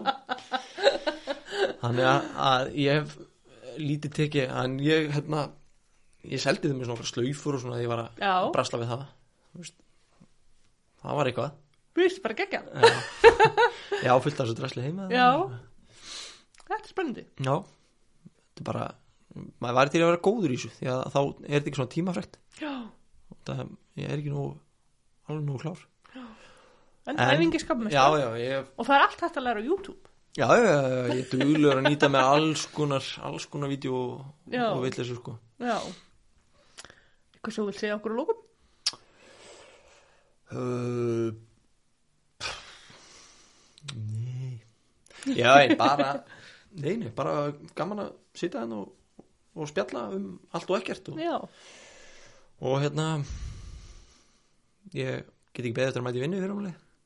Búin að vera læstur inni síðan fyrir áramót. já, fyrst í einangrun og svo uh, heima með barn og það því að kona var farin að vinna já. þannig að ég er eiginlega bara uh, bara býði hurðina og spenntur hundur að komast út í vinn Já, en já, annars bara, já bara skemmtilegt að mæta þetta og gaman að þessu og vonandi að því að gaman að þessu líka og ef ekki þá er mér alveg sama já, Já. bara, þá bara skipar og hlusta á okkur. já, nákvæmlega og spólar bara er þess að stilla hraðan á þessu Algjörlega, gefum við. tekur þetta helmingi stýttir Já. tíma Nei, hún prófið að tala rætt.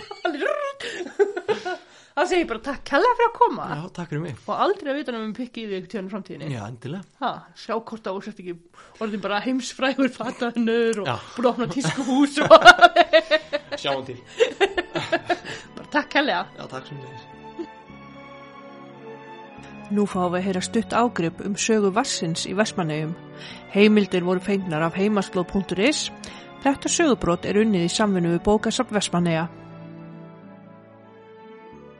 Þrátt fyrir miður skemmtilegar heimsóknir ræningja, hættulega glímu við sjóin og kúinni gegn maldirnar hafa Vestmannegingar óttast vaskort hvað mest. Ekki eru vasslindi Vestmannegingar stórar eða vassmiklar og því hefur þurft að nota aðra leiðir til að svala þosta í eskekja.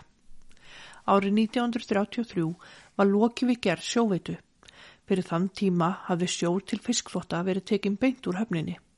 Sjórin var oft tekin á sömu stöðum og útrensli var í sjó og var því ekki bóðlegur til vinslu en þó notaður. Var þetta mikið vandamál og brínt að leysa. Í sjóveitu var sjór hreinsaður og leitur í hús og í fiskvinnslu á pallakrónum. Leislan var lögð í sjúkrahúsið um það leiti og sparaði mjög akstur á vatni. Vassöflun var alltaf mikið vandamál og vassbólin og heimaði dugðu engan veginn til að leysa vassþörfina. Þá var einning vandi að varveita neysluvatnið. Regnvatni var sapnað eftir föngum, bæði af þökum og með segldúkum. Upp úr aldamótum 1900 hófu menn að setja brunna við húsín og var settur vassbrunur í Frídendal einna fyrst húsa. Eftir 1925 var gert að skildu að byggja vassbrunna við hús og árið 1929 kom í fyrsta sinn fram tillaga um borun eftir vatni. Árið 1931 var gerð efnaransókn á vatni og reyndist af því saltbragð og í því fannst einnig járnborið grugg. Á kreppu árunum lág vassöflunamálið niðri að mestu. Vatnið hafi slæm áhrif á tennur og líkama fólks, en það var reggvatnið snöytt af nöðsilegum steinefnum. Ekki var óalgengt að börn fengu falskar tennur í fermingagjöf fyrra árum. Þá var brunnvatnið bæði óhreint og litað, sótugt af ólíu og kólareik og einni báru fugglar óhreinindi og drituð á þökinn.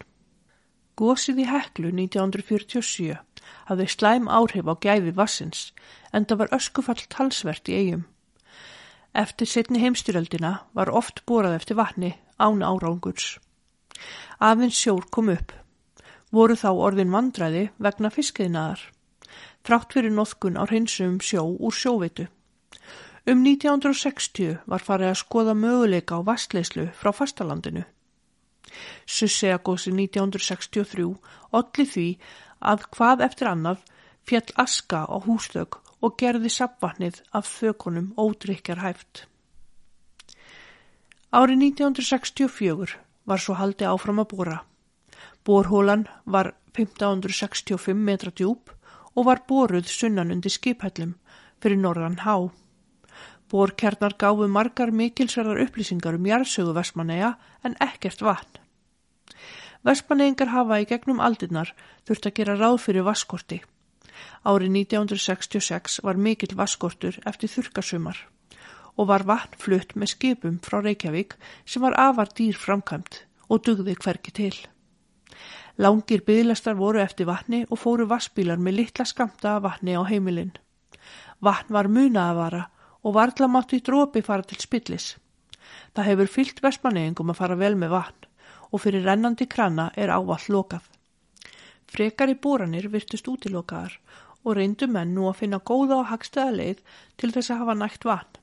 Hugmyndi komið fram um að nota kjarnorku til að framlega neysluvatn en að lokum voru tvær leiðir eftir eiming sjávar og leiðsla frá landi. Árið 1965 var tillagað um vassleislu borin upp á fundi bæjastjórnar. Hún var samþygt með öllum atkvæðum. Vassmálið er eitt stæsta mál er komið hefur til kasta bæjastjórnar. Mál sem var hafið yfir flokkadrætti í bæjastjórn og meðal bæjabúa. Vassleistunar voru lagðar árið 1968 og 1971 upp á landegarsand. Dráttarskipið H.P. Lating rendi kaplunum í sjóin í júlimániði 1968. Lengd leðislana er 22,5 kilometrar. Örlög sjóvitunar urðu þau að hún eiðilæðist í gósinu, en hluta af geiminum má sjá í hraunjæðrinum við skansinn þar sem hann stendur út úr hraunstálunu. Ekki hafa vastleislunar frá landi fengi að kvíla í friði. Nokkrum árum eftir að leislunar komist í gagnið gauðs í heimaði og í gósunu fór önnuleðslan í sundur. Þá óttuðus menn að hinleðslan færi líka og var því hraunkælingin aukinn. Hún var einni aukinn til þess að hraunflöymurinn lokaði ekki höfnunni algjörlega. Árið 2004 eruðu skemmtir á vassleislunum, þess valdandi að eigamenn voru bænir um að takmarka noðkun vass eins og mögulegt væri. Fiskvisli fyrirtæki hlutu einhvert skada af, þar sem að mikið þarf að vatni til fiskvinnslu. Vastankurinn við Lungulá var tekin í nóðkunni fyrsta skipti í mörg ár. Gamlir eigamenn myndust þá á gamla tíma þegar að sapna þurfti öllu vatni og ekkert mátti fara til spillis. Giftu samlega tókst að gera við leiðslunar en vespaneingar voru enn og aftur myndir á hversu dýrmætt vatnið er okkur. Þann 7. júli 2008 var hafist handa við að leggja nýja vastlögn til eiga. Það var danska fyrirtækið NKT sem framliti leysluna. En fyrirtæki framlindi einnig fyrstu vastleysluna sem lögð var á millilands og eiga 1968. Auk þess flutti sama flutningaskipið Henry P. Latting leysluna í bæði skiptin.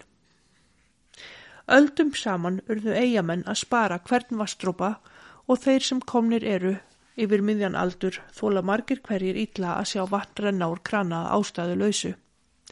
Eftirfarandi saga sem höfður eftir gestkomandi vertíamanni og á að hafa gestum miðja síðustu öld lýsi þeim sparnaði allvel þótt eflaust sé hún bæði nokkuð íkt og stílfærð. Það var fernt í heimili þar sem ég bjó. Hjón og tvö börn þeirra. Brunnur var við húsið þar sem regnvatni var sapnað af þakinu en mjög sparlega var farið með vatnið. Einu sinni viku var farið í bað og það var á laugadegi. Þá var baðkerið hálffyllt af vatni, þeim dýrmæta vökva. Þar sem ég var gestur á heimilinu fór ég fyrstur í baðið. Þegar ég var búinn fór húsbondin í það og síðan börnin tvö á heimilinu. Síðust fór svo húsfriðan í baðið og vart þarf að taka fram að alltaf var sama vatnið í baðkarinu. Þegar að hún hafi svo lokið sinni baðferð tók hún órinna þvottin og lagði hann í bleiti í baðkerið.